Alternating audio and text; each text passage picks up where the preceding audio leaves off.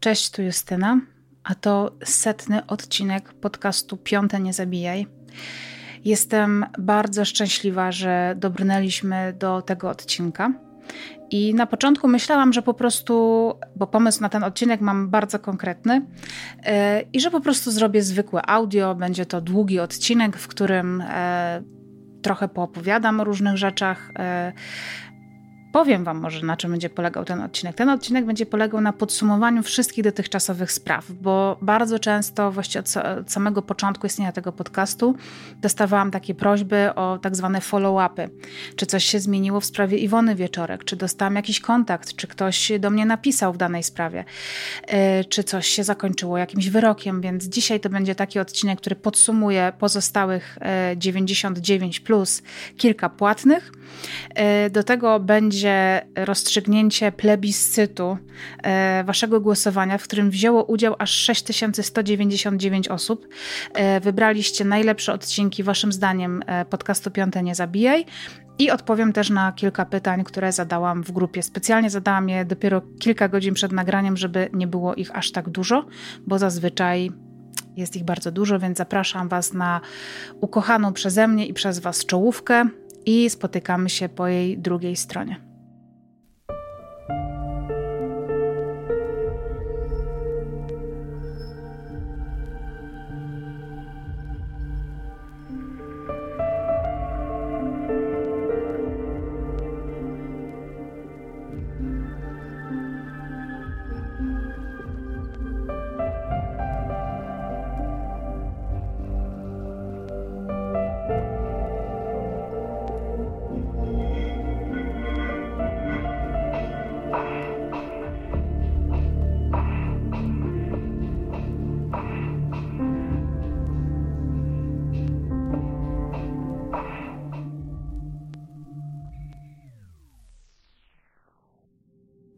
Skoro powiedziałam wcześniej przed czołówką o pytaniach, które będą, to zanim je w ogóle przeczytam, do nich dojdę, to powiem Wam, że najczęściej e, zadawanym mi pytaniem, oprócz kiedy następny odcinek, jest pytanie, dlaczego zaczęłam robić ten podcast.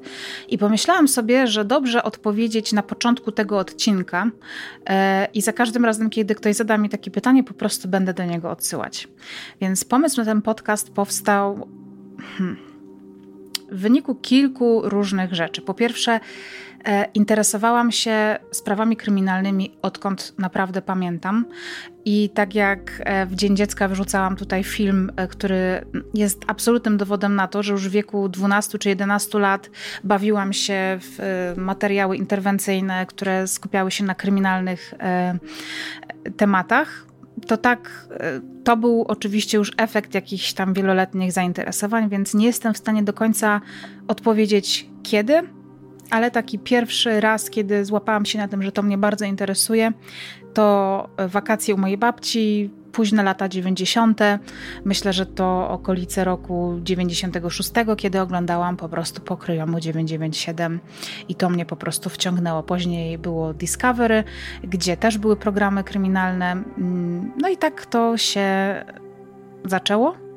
Później, kiedy mieszkałam w Krakowie i odkryłam różne strony do pobierania pliku, bo jeszcze wtedy nie było takich platform streamingowych jak dzisiaj, Ściągałam sobie różnego rodzaju filmy dokumentalne na temat um, zabójców, głównie wtedy seryjnych e, i tak to oglądałam, pozyskiwałam zupełnie, jakby się wydawać mogło, niepotrzebną mi wiedzę aż e, w 2018 roku zaczęłam częściej konsumować treści z YouTube'a i tak zobaczyłam e, kanał Niediegetyczny, tak zobaczyłam wszystkie e, kanały amerykańskie, na których było mnóstwo takich rzeczy, które oglądałam wcześniej, czyli właśnie Forensic Files i medycyna sądowa, jakieś akta FBI i tak dalej.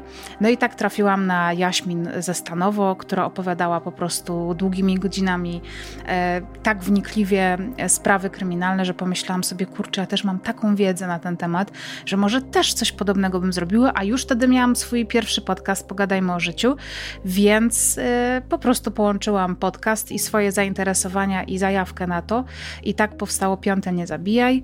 Mm, I czy od razu wiedziałam, o czym będę mówić? Tak od razu wiedziałam, że pierwszą sprawą będzie sprawa Doroty Strynkiewicz i tak płynnie przechodzimy do odcinka pierwszego.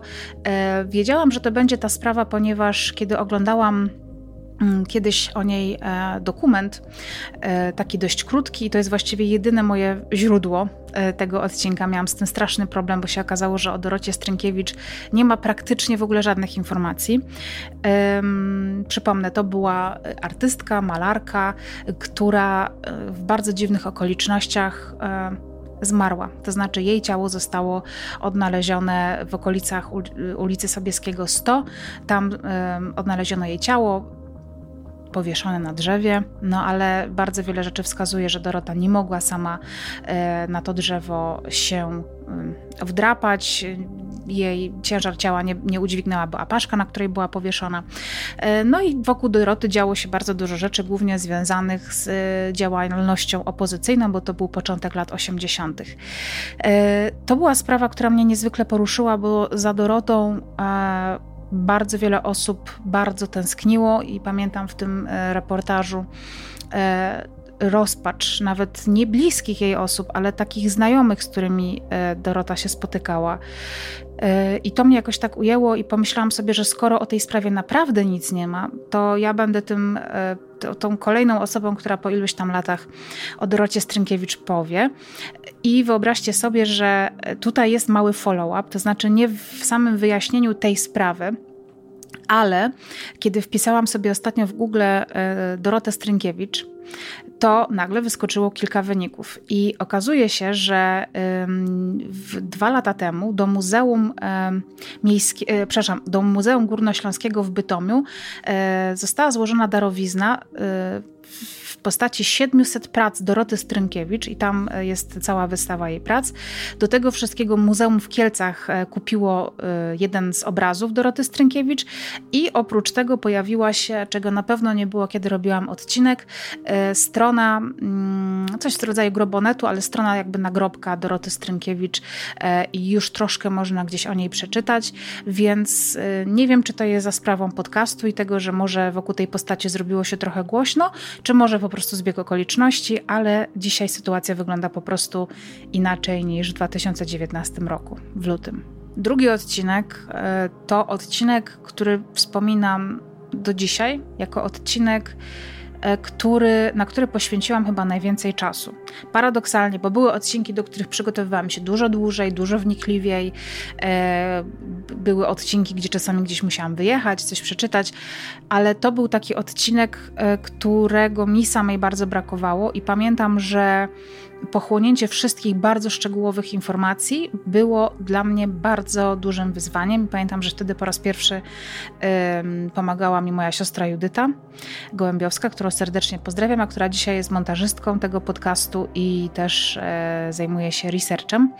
Więc e, to był taki odcinek do którego się przygotowywałam bardzo długo i to jest też taki odcinek, w którym jeszcze jest, bo w pewnym momencie to zarzuciłam, ale był taki moment, w którym na YouTube jeszcze pokazywałam różnego rodzaju mapki, jakieś moje swoje, mo, moje swoje, moje własne e, jakieś grafiki, które miały coś zobrazować, no ale w przypadku e, akurat Iwony Wieczorek to miało o tyle sens, że tam faktycznie trasa którą ona pokonywała, była dość ważna, żeby ją pokazać na mapie, bo jak się tak na Google Earth spojrzało, czy w ogóle e, na mapę i się to prześledziło, to widać było, że coś jest nie tak.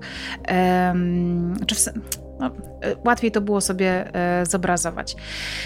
Myślałam, że po y, trzech latach będziemy wiedzieć coś więcej. Zresztą, y, kiedy to nagrywam, jest jeszcze lipiec, kiedy wy to oglądacie, też, jest jeszcze lipiec, więc wiemy, że kilka dni temu y, była rocznica kolejna e, zaginięcia Iwony i najprawdopodobniej jej śmierci. No i od lat zapowiada się właśnie tuż przed tą rocznicą, że do, dojdzie do wielkiego przełomu i tak to jest zawsze komunikowane. Wiemy, że do tego przełomu nadal nie doszło.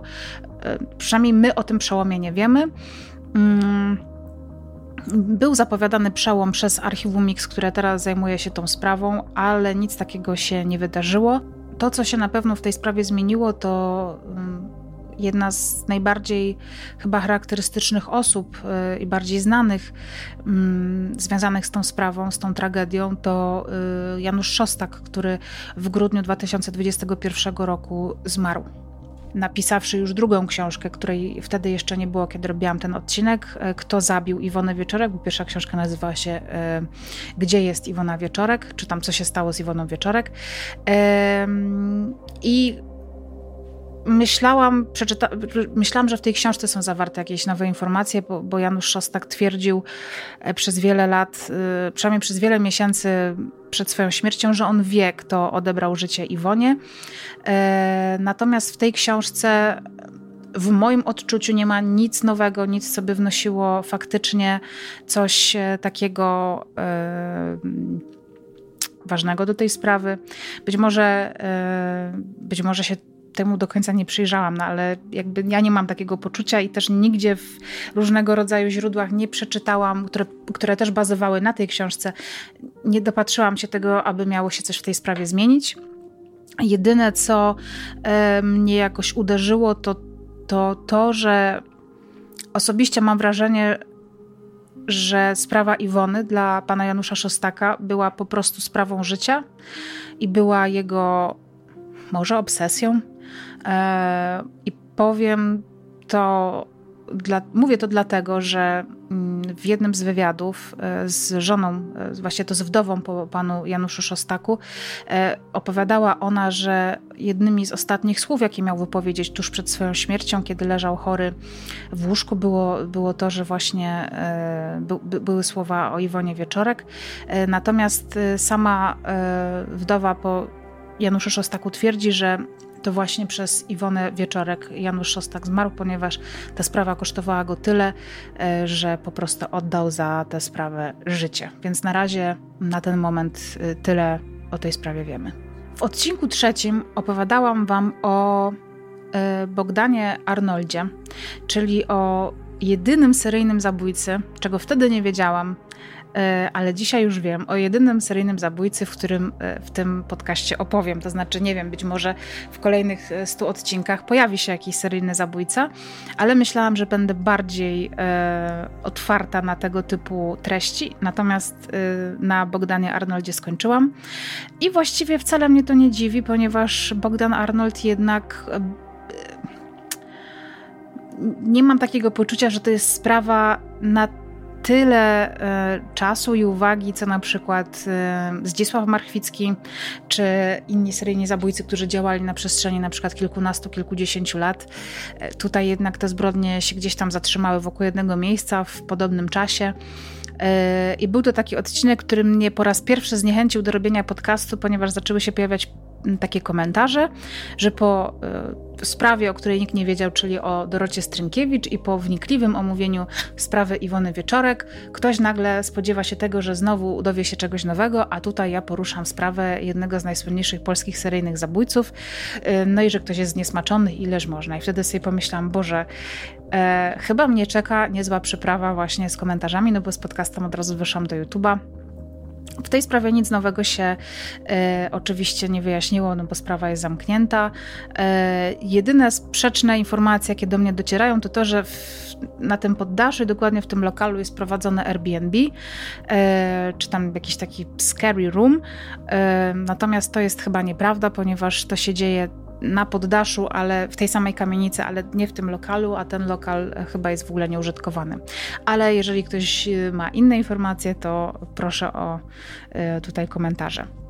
Czwarty odcinek to sprawa, o której też nie było głośno.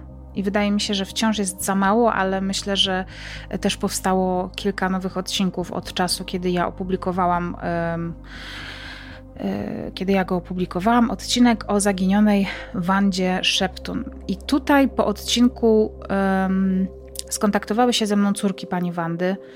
Mm, ja wtedy byłam trochę przerażona i to był taki odcinek, którego, e, który zniknął z YouTube'a. Znaczy on był na YouTubie, ale ja go zdjęłam z playlisty, więc nie można było do niego tak łatwo trafić, ponieważ e, córkom nie podobało się to, że nie zapytałam ich o zdanie, czy mogę o takiej sprawie opowiedzieć i że nie zapytałam ich w ogóle mm, o to, jak to naprawdę było I to był taki moment, chyba taki kamień milowy, który pokazał mi, że właśnie nie chcę kontaktować się z rodzinami, ponieważ chcę, zaraz Wam powiem dlaczego, ponieważ chcę bazować na tych informacjach tak zwanych ogólnie dostępnych. E, ponieważ ta sprawa z wielu różnych źródeł mm, wskazuje na to, że to zaginięcie jest no, niezwykle tajemnicze. Pani Wanda po prostu idzie y, gdzieś tam, odchodzi od, od ekipy, z którą tam jest na ognisku, ma, y, oddaje się dalej za potrzebą i po prostu już nigdy nie wraca, nie ma jej nigdzie. To się dzieje w, w takim lesie, nad jeziorami, y, zwłok w jeziorze nie ma. No po prostu kobieta przepada bez śladu. Zaginięcie zostaje zgłoszone bardzo szybko, no i tam różne rzeczy, które są potem zachęcam, jeżeli ktoś nie słuchał tego odcinka jakimś cudem, e, jakby troszkę stawiają taki znak zapytania wokół znajomych pani e, Wandy, którzy z nią wtedy byli. No jedną z tych osób oczywiście był e, mąż pani Wandy, który przez bardzo wiele mm, no, źródeł był trochę traktowany jako osoba, która nie do końca złożyła e, takie wiarygodne zeznania, czy była do, do, końca otwarta, potem chyba przestał szukać. Z tego co pamiętam, e, okazało się, że, że był po prostu chory. E, no i córki zażądało ode mnie tego, żebym ten odcinek zdjęła. E, ja się trochę przestraszyłam, wycofałam go z playlisty, a potem e, już po chyba dwóch latach wrzuciłam ten odcinek z powrotem na playlistę. Mm, mając doświadczenie poprzednich odcinków, e, dlatego że uznałam, że w tym odcinku nie padło nic, co wcześniej nie byłoby podane opinii publicznej, co nie padłoby wcześniej w mediach. Nie dokładałam tam żadnej swojej teorii e, i stwierdziłam, że po prostu no, w podejrzanych sprawach Zresztą zaraz przejdę do kolejnego odcinka, który jest w ogóle e, najlepszym tego przykładem. W takich sprawach, w których nie do końca osoby bliskie są przekonane co do winy lub co do tego, co może się stać z ich bliską osobą, to są zazwyczaj sytuacje, w których ci ludzie nie są obiektywni i, i, może nie chcą, żeby pewne informacje padały, e, no ale one padają tak czy inaczej i potem są interpretowane tak czy inaczej. E, I właśnie e, tym oto sposobem przechodzimy do odcinka piątego, mm, odcinka o rodzinie Perzyńskich. Przypominam, że był to odcinek o rodzinie z Jaworzna, właśnie nie z Jaworzna, z Jastrzębia Zdroju, oczywiście. Też trochę, naprawdę to teraz było naturalne bo w odcinku bardzo często y, mówię, że to było Jaworzno, a to było, y, było Jastrzębie. Mam tak, że te miasta nazwą kompletnie mi się mylą. Bardzo przepraszam E, mieszkańców Jastrzębia oraz mieszkańców Jaworzna, że mylę te miasta. Wiem oczywiście, że leżą daleko, no nie tak daleko od siebie, ale po prostu to jest moja głowa. E, to był odcinek o głowie domu, która e, straciła w pożarze całą swoją rodzinę, e, a nie, nie była ona mała, bo była tam e, żona, były dwie, trzy córki i dwóch małych synów. Z tego co pamiętam, trzy córki, albo dwie córki i dwóch małych synów, z czego ocalał tylko jeden z synów, Wojtek. Sprawa ta była na początku e, traktowana jako wielka tragedia e, właśnie pana Dariusza Perzyńskiego, e, któremu bardzo szybko udowodniono winę w tej sprawie mm, i postawiono, czy udowodniono, no, traktowano go jako podejrzanego, potem postawiono mu zarzuty i obecnie mężczyzna przesiaduje w więzieniu i nigdy się do tej zbrodni nie przyznał. I po tym odcinku skontaktował się ze mną e, właśnie Wojciech, ten jedyny ocalały z tego pożaru e, członek rodziny który y, broni swojego ojca. Absolutnie nie wierzy w jego winę, która została bezsprzecznie udowodniona. Motyw tej zbrodni był po prostu najgorszy z możliwych, czyli finansowy. E, pan Dariusz związał się bardzo szybko z kobietą, chyba nawet z tego co pamiętam, miał z nią romans e, wcześniej, ale tutaj nie jestem przekonana co do tego. E, później ta kobieta w ogóle zeznawała przeciwko niemu. Natomiast Wojciech myślę, że nie jest w stanie, czy to jest taka moja właśnie interpretacja tego zachowania, że chyba prawda o tym, w momencie, w którym tracimy całą rodzinę, że jedyna pozostała osoba, która dała mi życie, czyli mój ojciec, tak naprawdę chciał mnie zabić i uniknąłem tej śmierci tylko cudem, no wydaje mi się tutaj bardzo takim mocnym motywatorem do tego, żeby mm, nie wierzyć w winę swojego ojca, ale o dziwo y, ta wiadomość od Wojciecha nie była nie była negatywna, ona była bardzo właśnie e, miła, bo to była wiadomość dziękująca za opowiedzenie o tej sprawie, za niewieszanie psów na jego ojcu, który jego zdaniem jest niewinny. E, potem kontaktowałam się e, z Wojciechem, ale on już mi nie odpisał, bo chciałam z nim po prostu porozmawiać. Może kiedyś mi się to uda.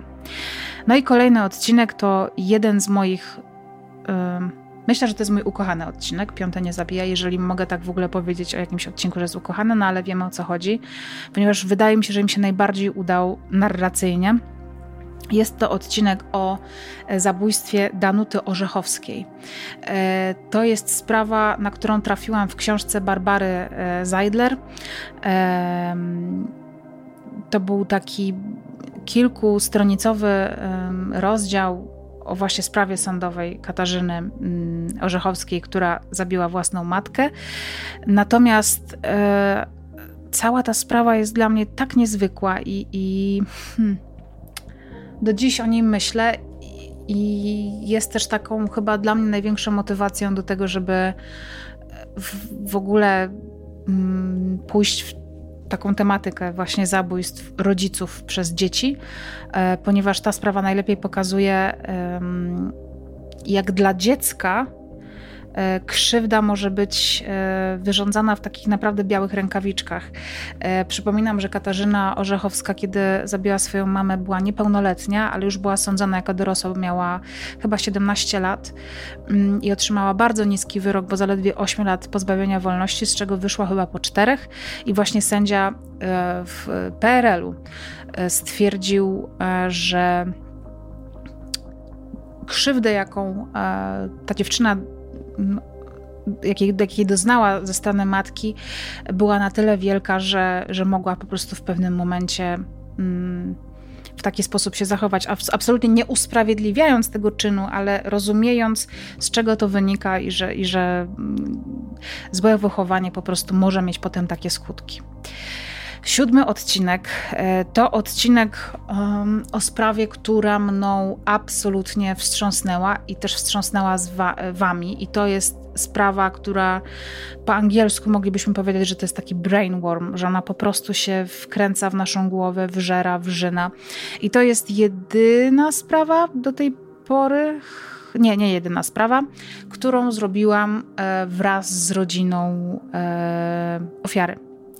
Jest to oczywiście odcinek o Mateuszu Kaweckim i tutaj mam dla Was kilka informacji, które mm, wyszły na jaw po opublikowaniu tego odcinka i które sprawiły, mm, sprawiłyby, że dzisiaj te sprawy opowiedziałabym inaczej. E, nie wiem z czego to wynikało, ponieważ z tego co wiem, są to, są to rzeczy, które było wiadomo w momencie, w którym nagrywałam odcinek, a o których nie zostałam poinformowana.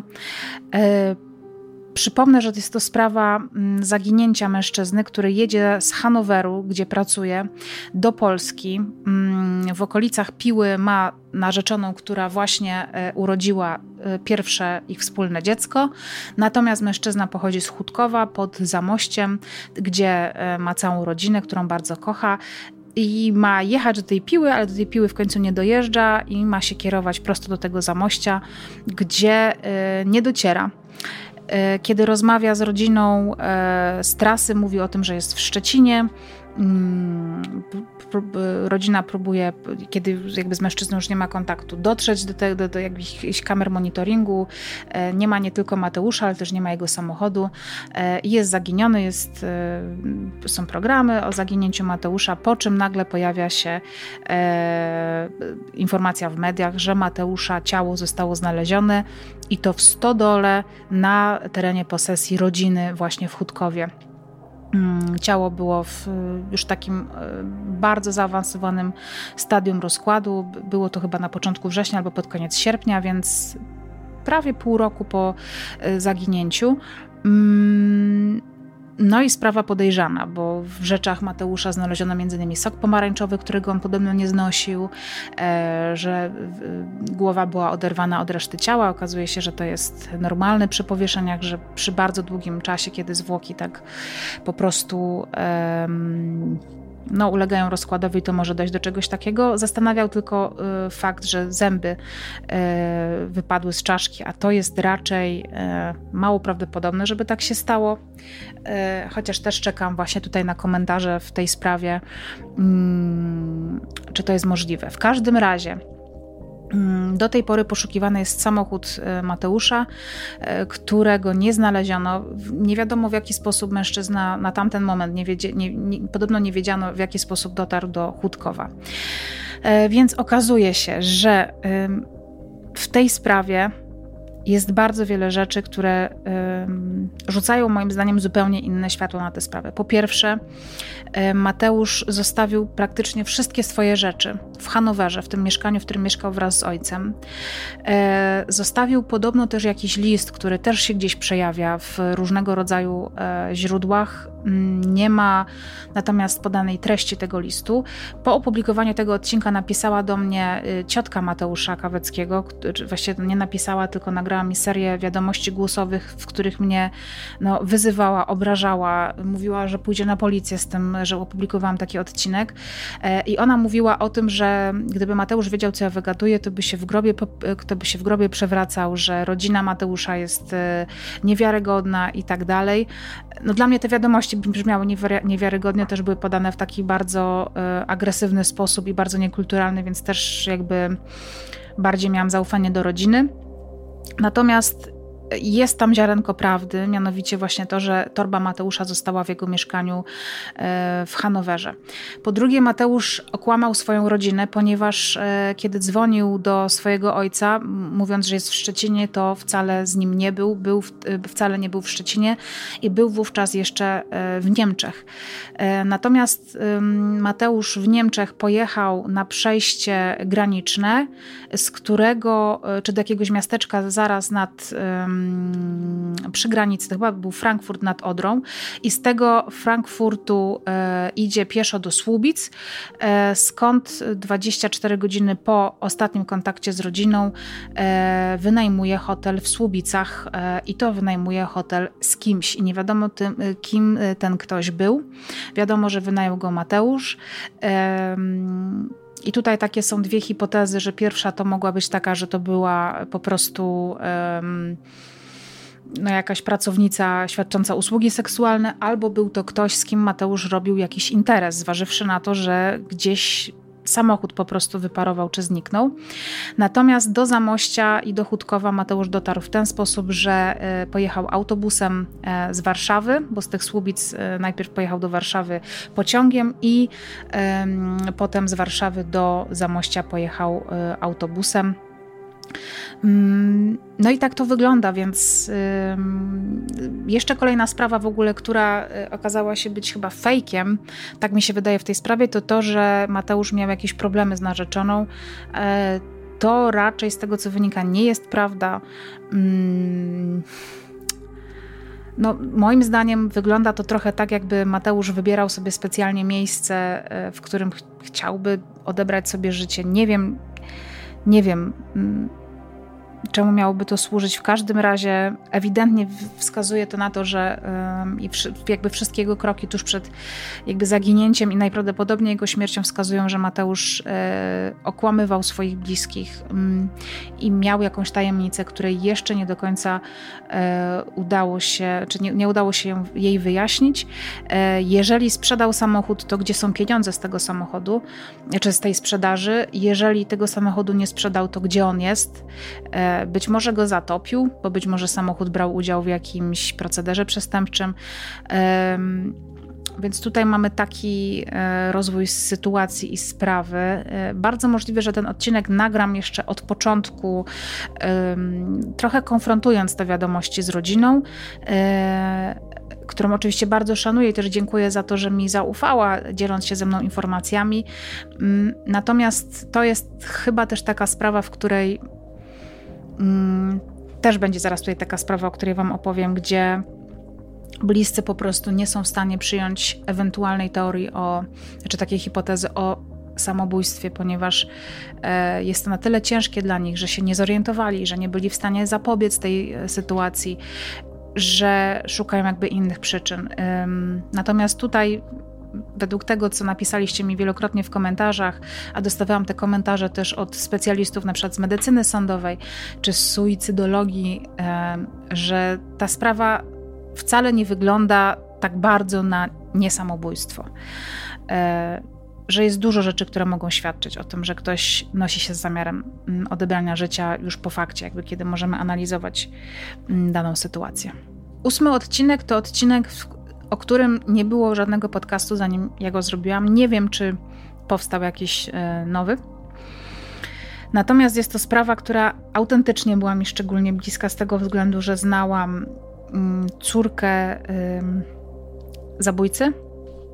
Mm, zabójcę widziałam wielokrotnie no, w zasadzie na wyciągnięcie ręki, bo e, razem z Mm, chodziłam po prostu do, do szkoły z córką mm, byłego prezydenta Zabrza, Jerzego e, G., który został skazany za zabójstwo i który się do tej winy absolutnie nie przyznaje.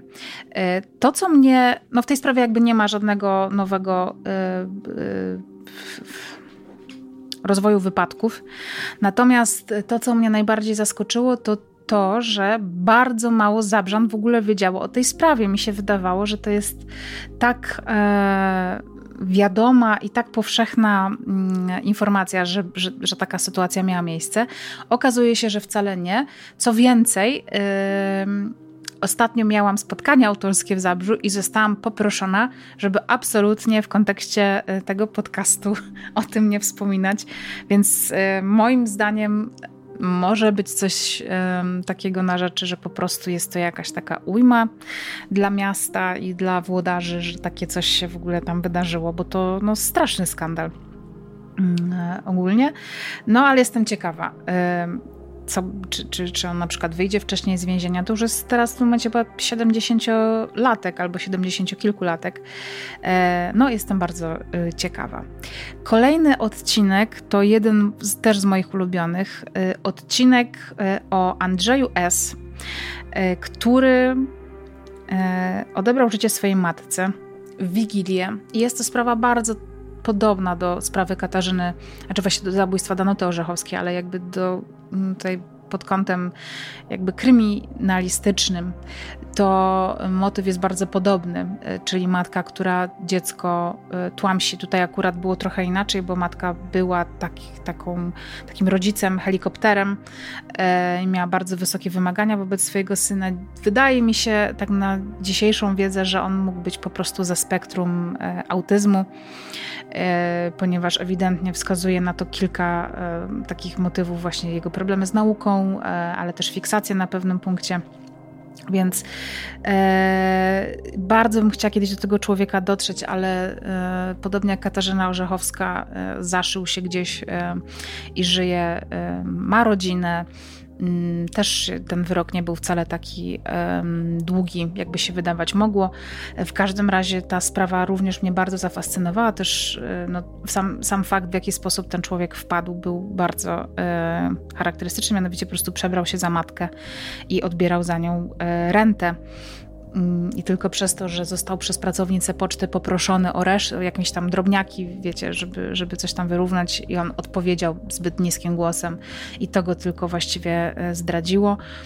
Taka trochę groteskowa sytuacja, y, ale sprawa niezwykle, mm, moim zdaniem, ciekawa.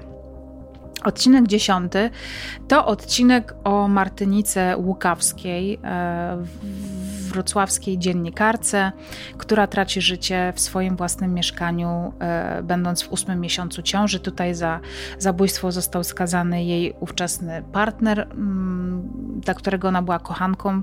E, Jan Esz miał rodzinę, miał dwójkę dzieci. Mm, no i tutaj to nie wiem, jakim cudem ja się przed odcinkiem do tego nie dogrzebałam, w sensie dlaczego zdecydowałam, że w ogóle o tym nie powiem. W każdym razie Jan Esz został y, ułaskawiony y, przez y, chyba prezydenta Kwaśniewskiego. Natomiast był związany przez wiele, wiele, wiele lat z Darią Trafankowską, aktorką. Myślałam, że to jest trochę tajemnica, ale potem jak doszukałam się różnych wywiadów, to z Darią Trafankowską, która już nie żyje, to ona mówiła wprost o, o właśnie o Janie, o tym, że, że walczy o jego dobre imię. Ja ostatnio w ogóle byłam e, we Wrocławiu i zupełnie przypadkiem nagle się znalazłam właśnie pod blokiem Martyniki, idąc odwiedzić e, e, kogoś zupełnie innego, kto mieszkał na tym samym osiedlu i miałam takie trochę poczucie no, takich ciarek. Zawsze takie obcowanie z tymi miejscami, w których coś się takiego strasznego wydarzyło robi na mnie wrażenie i z perspektywy czasu najbardziej cieszę się, że ten odcinek zrobiłam nie w tym roku, tylko zrobiłam go e, zanim e, powstała pewna książka, wokół której e, dzieje się dość dużo teraz nieprzyjemnych rzeczy, więc cieszę się, że to się stało wszystko przed powstaniem pewnej książki. Odcinek jedenasty to odcinek o Edycie Wieczorek. W ogóle to nazwisko jest potwornie pechowe, ponieważ Iwona Wieczorek, Edyta Wieczorek, e, też e, zamordowane, matka z córką w okolicach Częstochowy, to też były właśnie osoby, które nosiły to nazwisko. W tej sprawie nic nowego się nie pojawiło i mylą się ci, którzy w komentarzach mówili mi, że ciało Edyty zostało znalezione. Nie, nie zostało nigdy znalezione. Badania DNA wykluczały za każdym razem, kiedy mm, zwłoki jakiejś kobiety NN zostały wyławiane, więc e, ciała Edyty Wieczorek nigdy nie znaleziono i to jest tak, takie coś, co chciałabym dopowiedzieć tu i teraz. E, dwunasty odcinek to odcinek e, o straszliwej sprawie, o sprawie Anny Garskiej. I to też taka historia, w której ciała nigdy nie znaleziono. Natomiast sprawcę tego zabójstwa skazano na dożywocie. Być może dlatego, że mąż Anny Garskiej, Marek, był policjantem i bardzo możliwe, że po prostu wykorzystywał też swoją wiedzę, e, którą zdobył e, w swoim zawodzie, właśnie do tego, żeby lepiej ukryć ciało, e, w ogóle te zbrodnie, mm, tej zbrodni dokonać. W tej sprawie skontaktowała się ze mną matka Anny Garskiej, która była bardzo wdzięczna za opowiedzenie tej historii. To jest w ogóle też taka strasznie smutna postać, czy smutna, no w sensie bardzo taka tragiczna, która nie potrafi zapomnieć o swojej córce. Jest cała strona e, poświęcona na Facebooku Annie, którą właśnie prowadzi jej mama. E, ostatnio były imieniny Anny, więc też powstał taki cały wpis e, wzruszający. Tam są publikowane zdjęcia prywatne. Powstała też książka pod tytułem Mocna więź i to jest książka właśnie o Annie i jej matce. Co ciekawe, czego nie było w odcinku, taki, taka jest tutaj akurat nowość, że e, Sąd Najwyższy w 2021 roku zdecydował się, że Marek G. pozostanie w więzieniu, e, bo tam chyba była jakaś złożona apelacja do, e, do wyroku wcześniejszego. Trzynasty odcinek to jeden z moich ulubionych odcinków. To jest też taka sprawa, która. Mm, moim zdaniem jest taką klasyczną zagadką kryminalną, bo to jest zagadka zamkniętego pokoju. To jest sprawa Małgorzaty Śnieguły.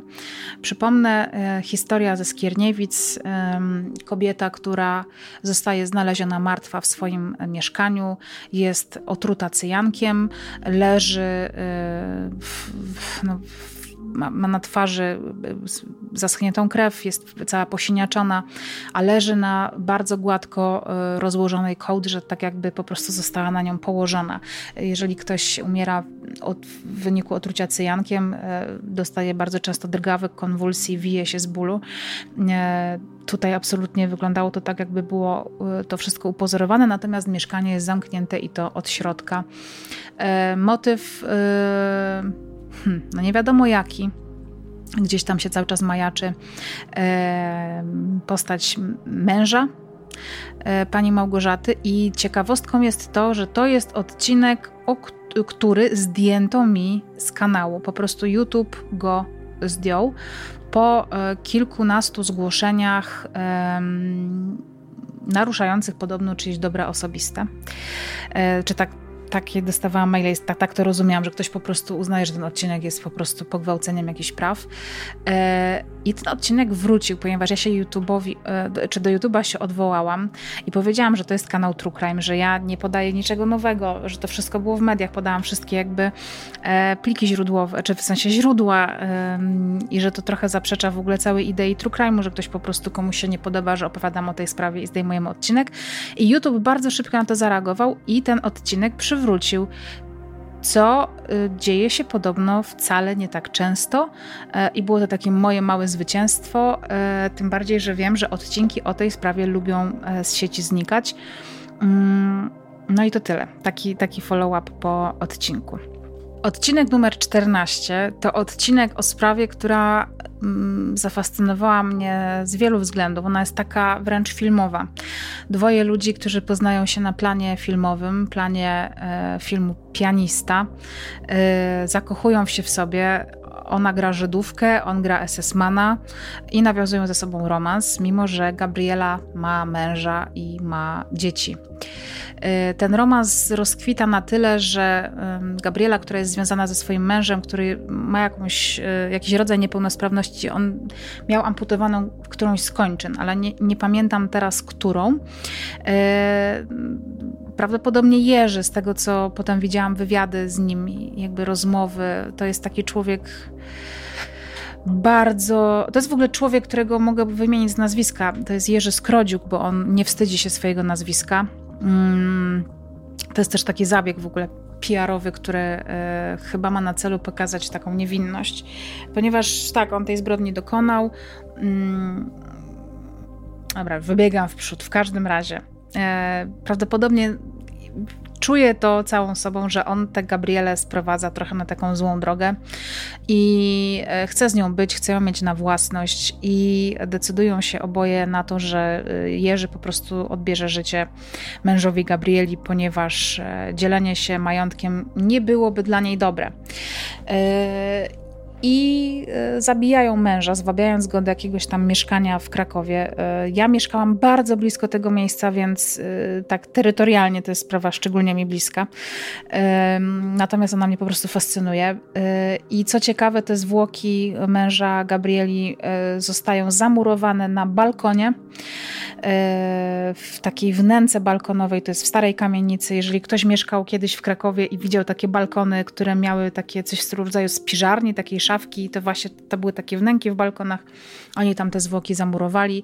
E, I nie pamiętam, jak do tego doszli śledczy, e, chyba po, po, prostu po kwitach. To znaczy, bardzo szybko samochód męża zostaje sprzedany, bardzo szybko ona się z kimś tam związuje, zaczyna ten majątek wyprzedawać, bardzo szybko składa wniosek o uznanie męża za zamarłego, i to są takie bardzo e, wyraźne sygnały, że prawdopodobnie tutaj ktoś coś wie. No i tak e, d, d, śledczy doszli do tego mieszkania, w którym e, od, od po prostu odkryli te zwłoki i to też odkryli w taki sposób, że tam w ogóle w tym mieszkaniu mieszkali studenci e, i jak ten sarkofag balkonowy e, rozbito, no to po prostu wszystkich uderzył straszliwy fetor rozkładających się zwłok. E, Gabriela i Jerzy zostali skazani, natomiast Gabriela już wyszła z więzienia, Jerzy dalej w tym więzieniu siedzi i dostałam bardzo dużo informacji, że pracuje w jednym z krakowskich szpitali jako salowa. Więc to taka ciekawa e, rzecz. 15 odcinek to odcinek o Zofii Dybowskiej-Aleksandrowicz. Sprawa z warszawskiej Starówki, zabójstwa na przełomie, nie pamiętam czy to był rok 89 czy 90, ale chyba 89. Starówka jest w remoncie Pani Zofia Dybowska-Aleksandrowicz jest e, wybitną reżyserką e, dubbingu. Jej córka e, Miriam Aleksandrowicz również. E, natomiast to e, historia, w której pani Zofia Dybowska i jej matka zostają brutalnie e, no, zamordowane we własnym mieszkaniu. Sprawców do dziś nie znaleziono. Mm, powiązywano te przepraszam, powiązywano tę sprawę ze sprawą Jaroszewiczów, która wydarzyła się parę lat później ale tam motyw miał być podobny. E, po tym odcinku odezwała się do mnie właśnie pani Miriam Aleksandrowicz. E, byłam bardzo przerażona, bo na mnie szukała w ogóle na Facebooku, pisząc statusy, że poszukuje kontaktu do Justyny Mazur.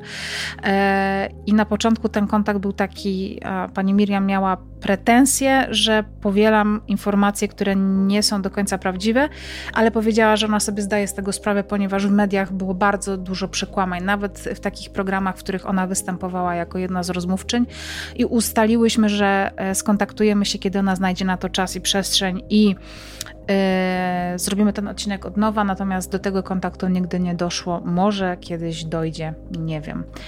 Yy, odcinek 16 to odcinek przez Was znienawidzony, ale ja jestem z niego dalej dumna. Jest to odcinek o rysiach. To był odcinek, który był takim trochę. To była współpraca z WWF-em i to był odcinek, w którym opowiedziałam historię kryminalną o zabójstwie właśnie w, w zabójstwie nam jakiejś postaci. No i się okazywało finalnie, że to chodzi o y, rysie, które w Polsce, tam ryś, jakiś tam był ryś błękitny, nie pamiętam. Jak, jakiś rodzaj rysia był w Polsce zagrożony. Mm, no i to był odcinek, który Wam się nie spodobał, ale ja wciąż uważam, że jako y, taka akcja społeczna było to bardzo dobre. Odcinek 17 to odcinek o zbrodni połanieckiej, chyba najsłynniejszej zbrodni w Polsce, tak mi się wydaje. Jest to taka zbrodnia na skalę światową. Jest to zbrodnia, o której robi się programy za granicą, w sensie jakby o, o tym rodzaju zbrodni. No bo czemu się dziwić? E, troje ludzi ginie, w, właściwie to w tym dziecko i, i kobieta w ciąży, czyli w sumie cztery osoby giną mm, na oczach kilkudziesięciu osób, które zostają zobowiązane mm, poprzez y, składanie przysięgi i podpisywaniu paktu własną krwią do milczenia i ta zbrodnia tylko przez przypadek wychodzi na jaw, e, no to naprawdę historia niebanalna e, i taka naprawdę mrożąca krew w żyłach.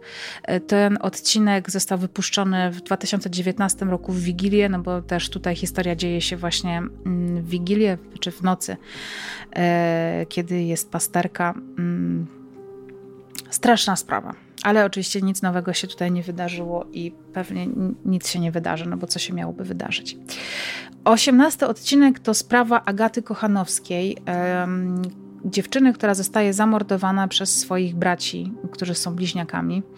E, sprawa z Zakopanego, mm, sprawa, która bulwersuje nie tylko brutalnością, nie tylko motywem, e, co jest tam olbrzymi dylemat matki, która traci właściwie trójkę dzieci, bo dwóch synów trafia do więzienia, córka ginie i, i co potem?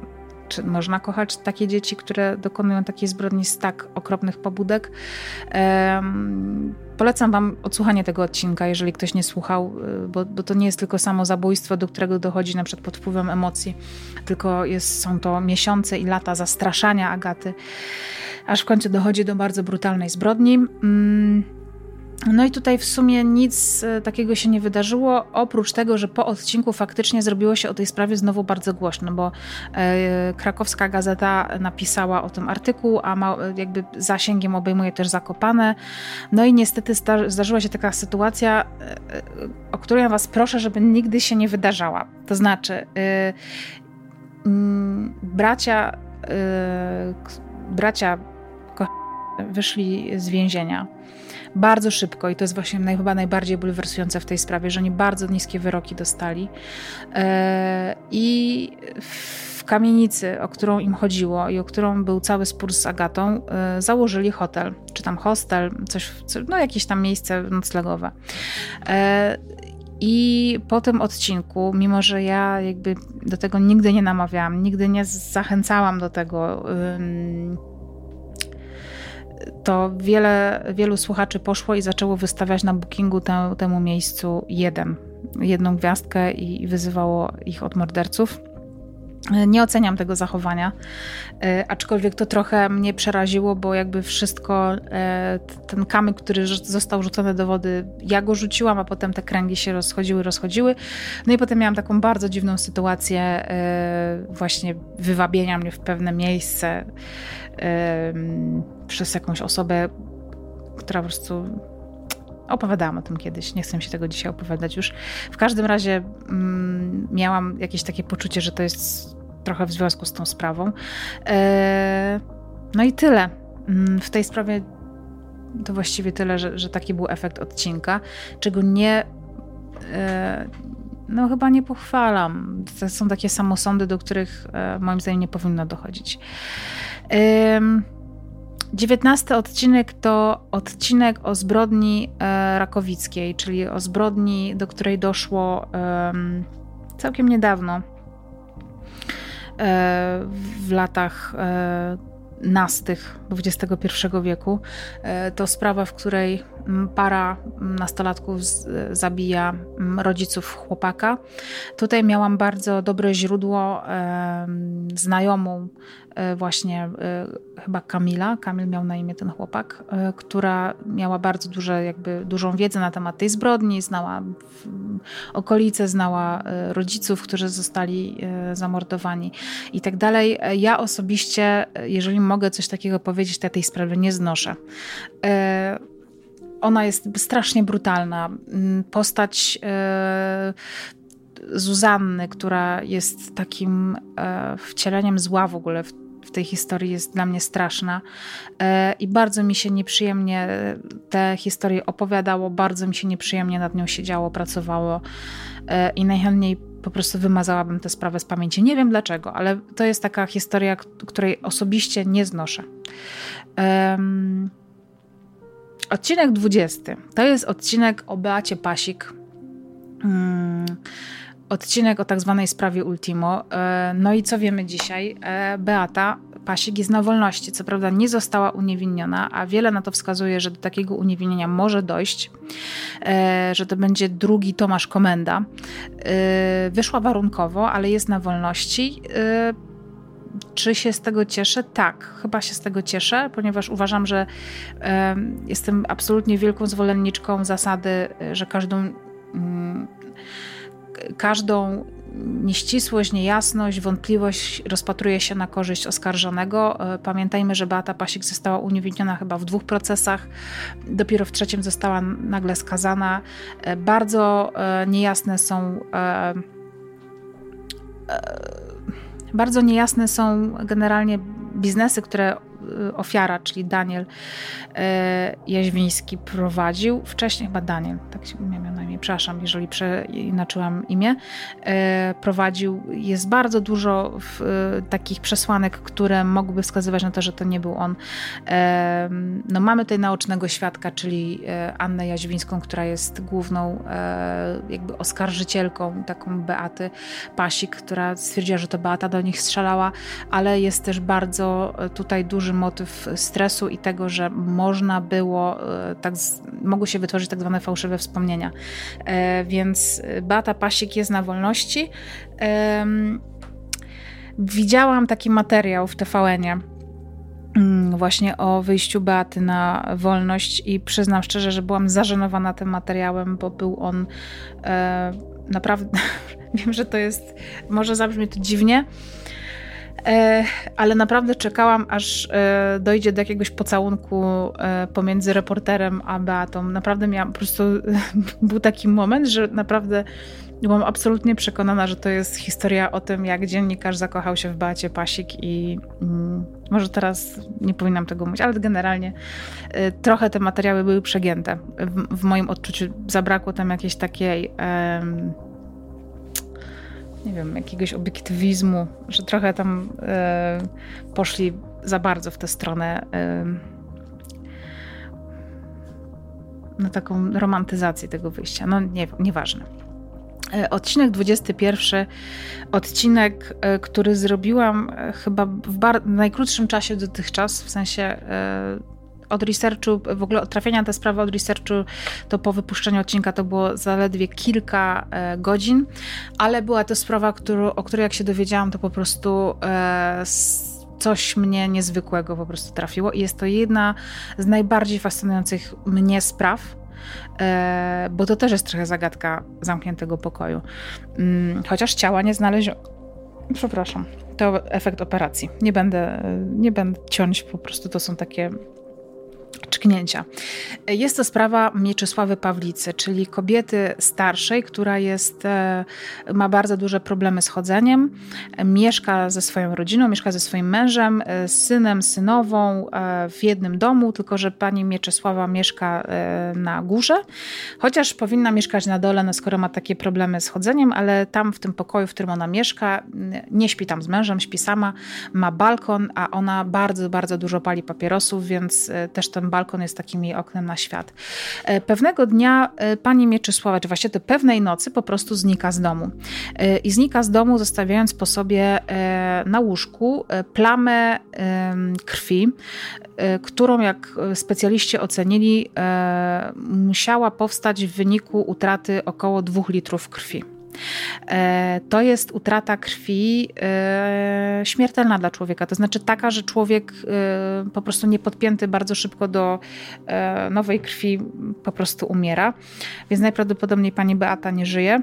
Mm, nie pani Beata, tylko pani Mieczysława nie żyje, ale nie wiadomo, Dlaczego, kto, jak, co, kiedy yy, i tak dalej. Ciała nigdy nie odnaleziono, yy, nikt nic nie słyszał, nikt nic nie widział. Akcja się dzieli na wsi, więc aż trudno.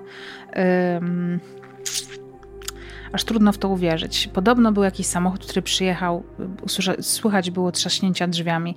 E, jest bardzo ciekawa inscenizacja w 997, która zakrawa wręcz Wiem, że może teraz jestem tutaj trochę niesprawiedliwa, ale naprawdę brakowało mi w tej inscenizacji tego, żeby przyleciał statek kosmiczny i panią Mieczysławę wyciągnął z domu, bo polegało to na tym, że przyszło w tej inscenizacji kilka osób ubranych w takie stroje. Um, jak to powiedzieć, takie jak na początku covid się nosiło, takie kombinezony, e, żeby nie zostawić żadnych śladów, że oni się dostali do tego mieszkania przez okno. E, było trzech mężczyzn. E, panią Mieczysławę mieli ogłuszyć, wynieść jakoś z domu, zapakować do samochodu, a na łóżku wylać dwa litry ludzkiej krwi. No i czemu to miałoby służyć? Absolutnie nie wiem. Więc taka inscenizacja, no nie rzucająca absolutnie podejrzeń na nikogo z bliskich, ale okej. Okay. Odcinek numer 22 e, to odcinek o Szymonku z Będzina. E, no i co mam mogę powiedzieć? E, najtrudniejszy dla mnie do nagrania odcinek ever.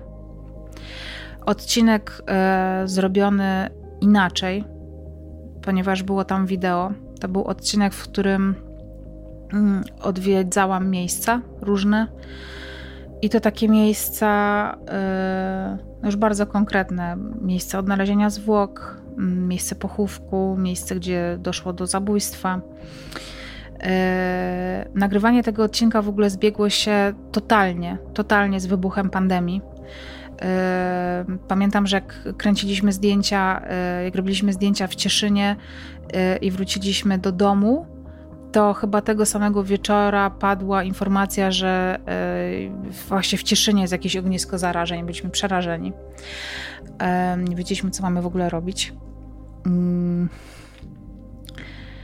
No i tutaj nic nowego się nie okazało. Niestety e, nieubłaganie mija czas e, do wyjścia rodziców Szymona z więzienia. Trochę sobie tego nie wyobrażam. No i to chyba taka sprawa, która mi powiedziała, że jednak sprawy zabójstw dzieci są e, tym rodzajem historii kryminalnych, których ja nie jestem w stanie mm, przetworzyć. I mimo, że e, parę miesięcy później opowiedziałam o sprawie Katarzyny Waśniewskiej, właściwie to małej Madzi z Sosnowca, e, to jednak ta sprawa była trochę inna, bo wierzę w to, że, że Madzia nie cierpiała tak, jak cierpiał Szymon. Mm, I to była też taka sprawa, w której właściwie wszystko się toczyło wokół, przynajmniej w moim odcinku, wokół rozwoju jakby tego właśnie kryminalistycznego, rozwoju postaci Katarzyny Waśniewskiej. Natomiast w historii Szymonka, mój Boże, mm, Najstraszniejsza sprawa. Absolutnie. I niestety nie jedyna. E... Niestety nie jedyna. Odcinek numer 23 to odcinek o rodzinie Bogdańskich. Tutaj dalej nie wiemy nic nowego. Czasami trafiamy na nowe komunikaty poszukujące całej rodziny Bogdańskich. Ostatnio rozmawiałam z jednym z takich e, czołowych polskich e, dziennikarzy kryminalnych, który się tą sprawą zajmował i, i on obstawia, że yy, oni po prostu uciekli. Yy, I to mi się też tak wydaje chyba najbardziej yy, prawdopodobną opcją. Przypomnę, to jest rodzina, która po prostu znika z dnia na dzień. Yy, nikogo o niczym nie informuje, znika tam mm, małżeństwo z dwójką takich dość podrośniętych, nawet nastoletnich dzieci, plus starsza pani chorująca dość ciężko argumentem przemawiającym za tym, że to raczej była zbrodnia, było to, że ta kobieta nie wzięła leków. No ale może właśnie to najlepiej miało sugerować to, że byłaby to zbrodnia. Ciał nigdy nie znaleziono.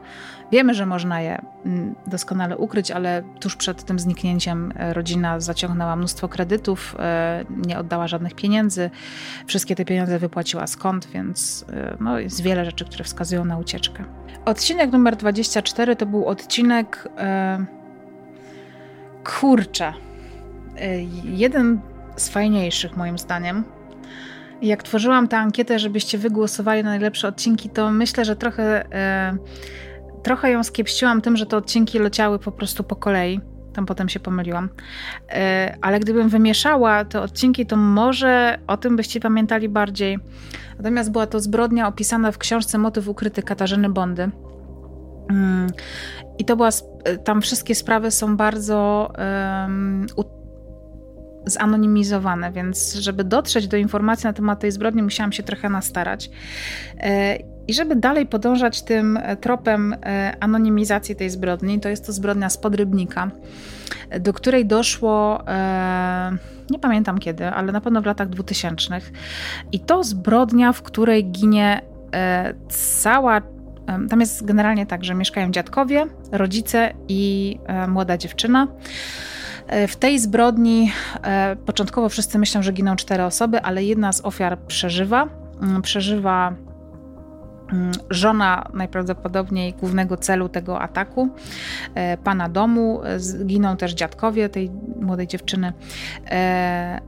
Nigdy nie odnaleziono sprawcy tej zbrodni, natomiast to jest taka rodzina Zachęcam Was do tego, żeby ten odcinek jeszcze raz przesłuchać, ale generalnie taka, która jest bardzo pod właśnie butem tego e, pana domu który ginie.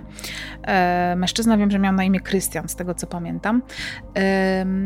I on jest chyba byłym wojskowym, e, niezwykle wierząca osoba, która totalnie wymaga posłuszeństwa, drylu, jest niesamowicie oszczędnym człowiekiem i on ma swój taki jakby garaż, w którym ma swoją jakąś taką jak się później okazuje, komnatę tajemnic. Mężczyzna prowadził całkowicie drugie życie, był. Um, no nie będę go diagnozować, ale myślę, że miał bardzo duże potrzeby seksualne, które realizował e, spotykając się z różnego rodzaju kobietami, które poznawał przez internet, oglądał bardzo brutalną pornografię, miał w tym swoim pomieszczeniu różnego rodzaju przyrządy no takie gadżety erotyczne.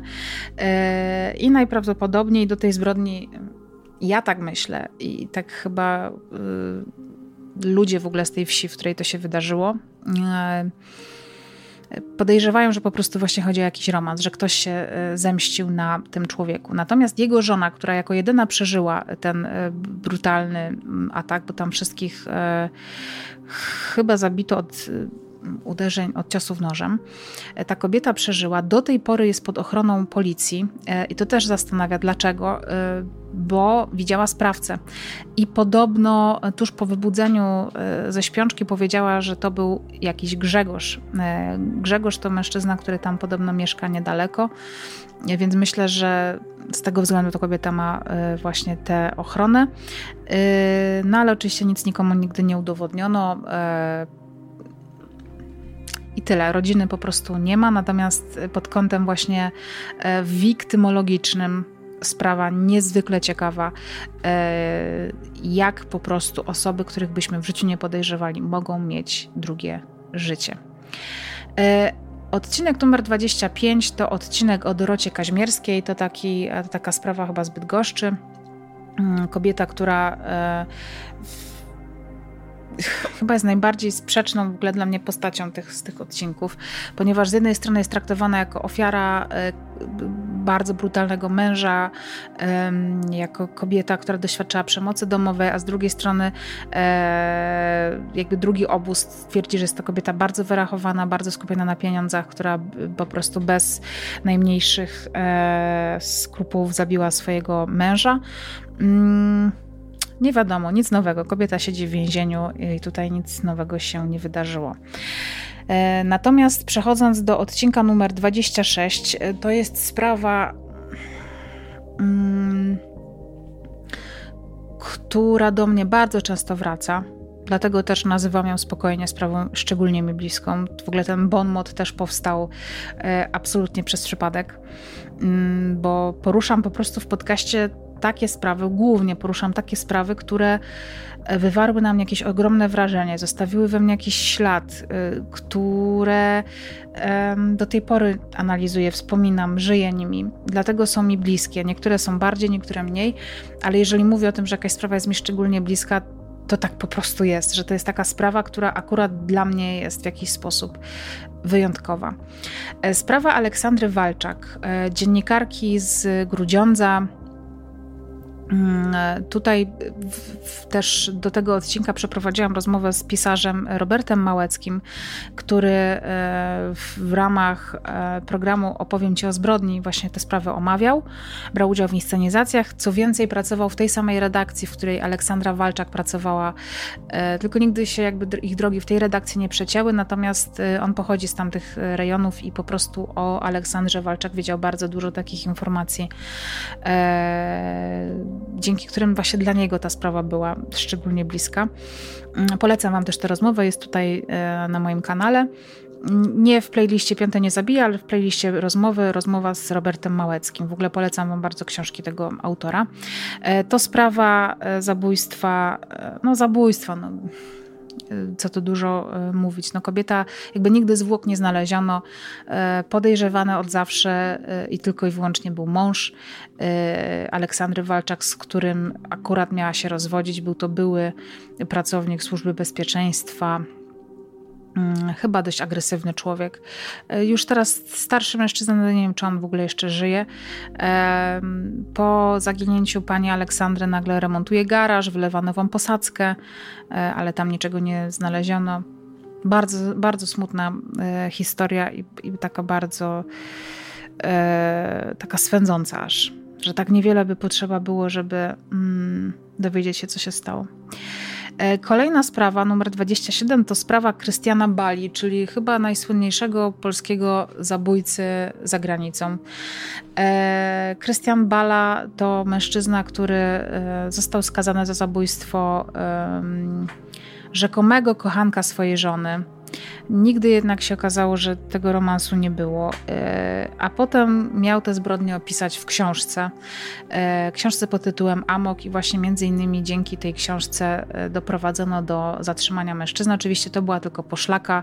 Było kilka dowodów, które mężczyznę do tego więzienia doprowadziły. No, Krystian Bala okropna postać. E, I mówię to z pełną odpowiedzialnością. Wszystkie wywiady z nim sprawiają, że mam ciarki i po prostu bałabym się z tym człowiekiem być w jednym pomieszczeniu. Tyle mam do powiedzenia. E, odcinek numer 28 to e, odcinek o kolejnym polskim polskiej bestii właściwie. Ja nigdy takich słów nie używam, ale jest kilka takich osób, które na to miano chyba sobie mocno zapracowały, czyli Kajetan Poznański. Kiedy robiłam ten odcinek, był chyba 2020 rok, to w 2021 roku zapadł wyrok do żywocia, ale w styczniu tego roku, czyli 2022, obrona zapowiedziała, że chce y, uchylić wyrok i uznać e, Kajetana Poznańskiego za niepoczytalnego. Przypominam jeszcze, że Kajetan Poznański zaatakował E, psycholożkę, która z nim pracowała w więzieniu i to tak dość brutalnie. Myślę, że jest to człowiek e, niezwykle zaburzony, mm, ale myślę, że e, nie niepoczytalny. Odcinek numer 29, odcinek, który chyba był jednym z najbardziej kontrowersyjnych. Odcinek o Bradley'u E, czyli o trenerze personalnym, który zabił swoją żonę niemalże na oczach e, swoich dzieci. Ja tutaj głównie bazowałam na. Mm, na książce Heleny Kowalik, e, która zresztą się ze mną skontaktowała w ogóle po tym odcinku i zaproponowała mi, żebyśmy razem coś wspólnie zrobiły. Ja niestety nigdy jakoś z tego nie skorzystałam. Wiecie, zmiana pracy, różne rzeczy, jakoś nie wiem, nie wiem, do tego nie doszło.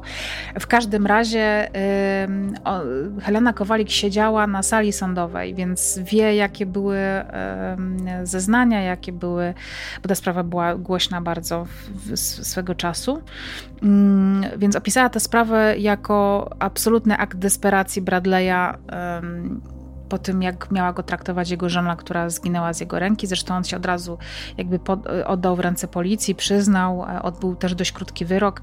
E, natomiast tutaj była największa chyba. E, nie wiem, nie będę kląć po polsku, ale po angielsku mogę. Shitstorm w komentarzach, że bronię mordercę. Absolutnie nie bronię nikogo. E, dokonanie zabójstwa jest oczywiście kwestią e, absolutnie go, go, godną potępienia, natomiast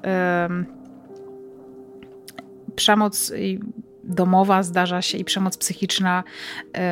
Myślę, że to jest taka historia właśnie przemocy psychicznej. Po, tej, e, po tym odcinku skontaktowały się ze mną koleżanki, e, właśnie ofiary, które mówiły, że to wcale tak nie było.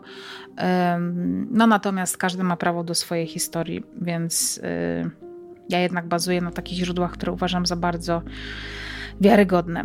I odcinek numer 30 to odcinek o Patryku Palczyńskim, młodym żeglarzu, e, mieszkańcu Gdyni, który wypływa na morze, e, ma wypłynąć w jakiś e, tajemniczy rejs, przestaje się kontaktować z matką, po czym jego zwłoki zostają odnalezione w zatoce.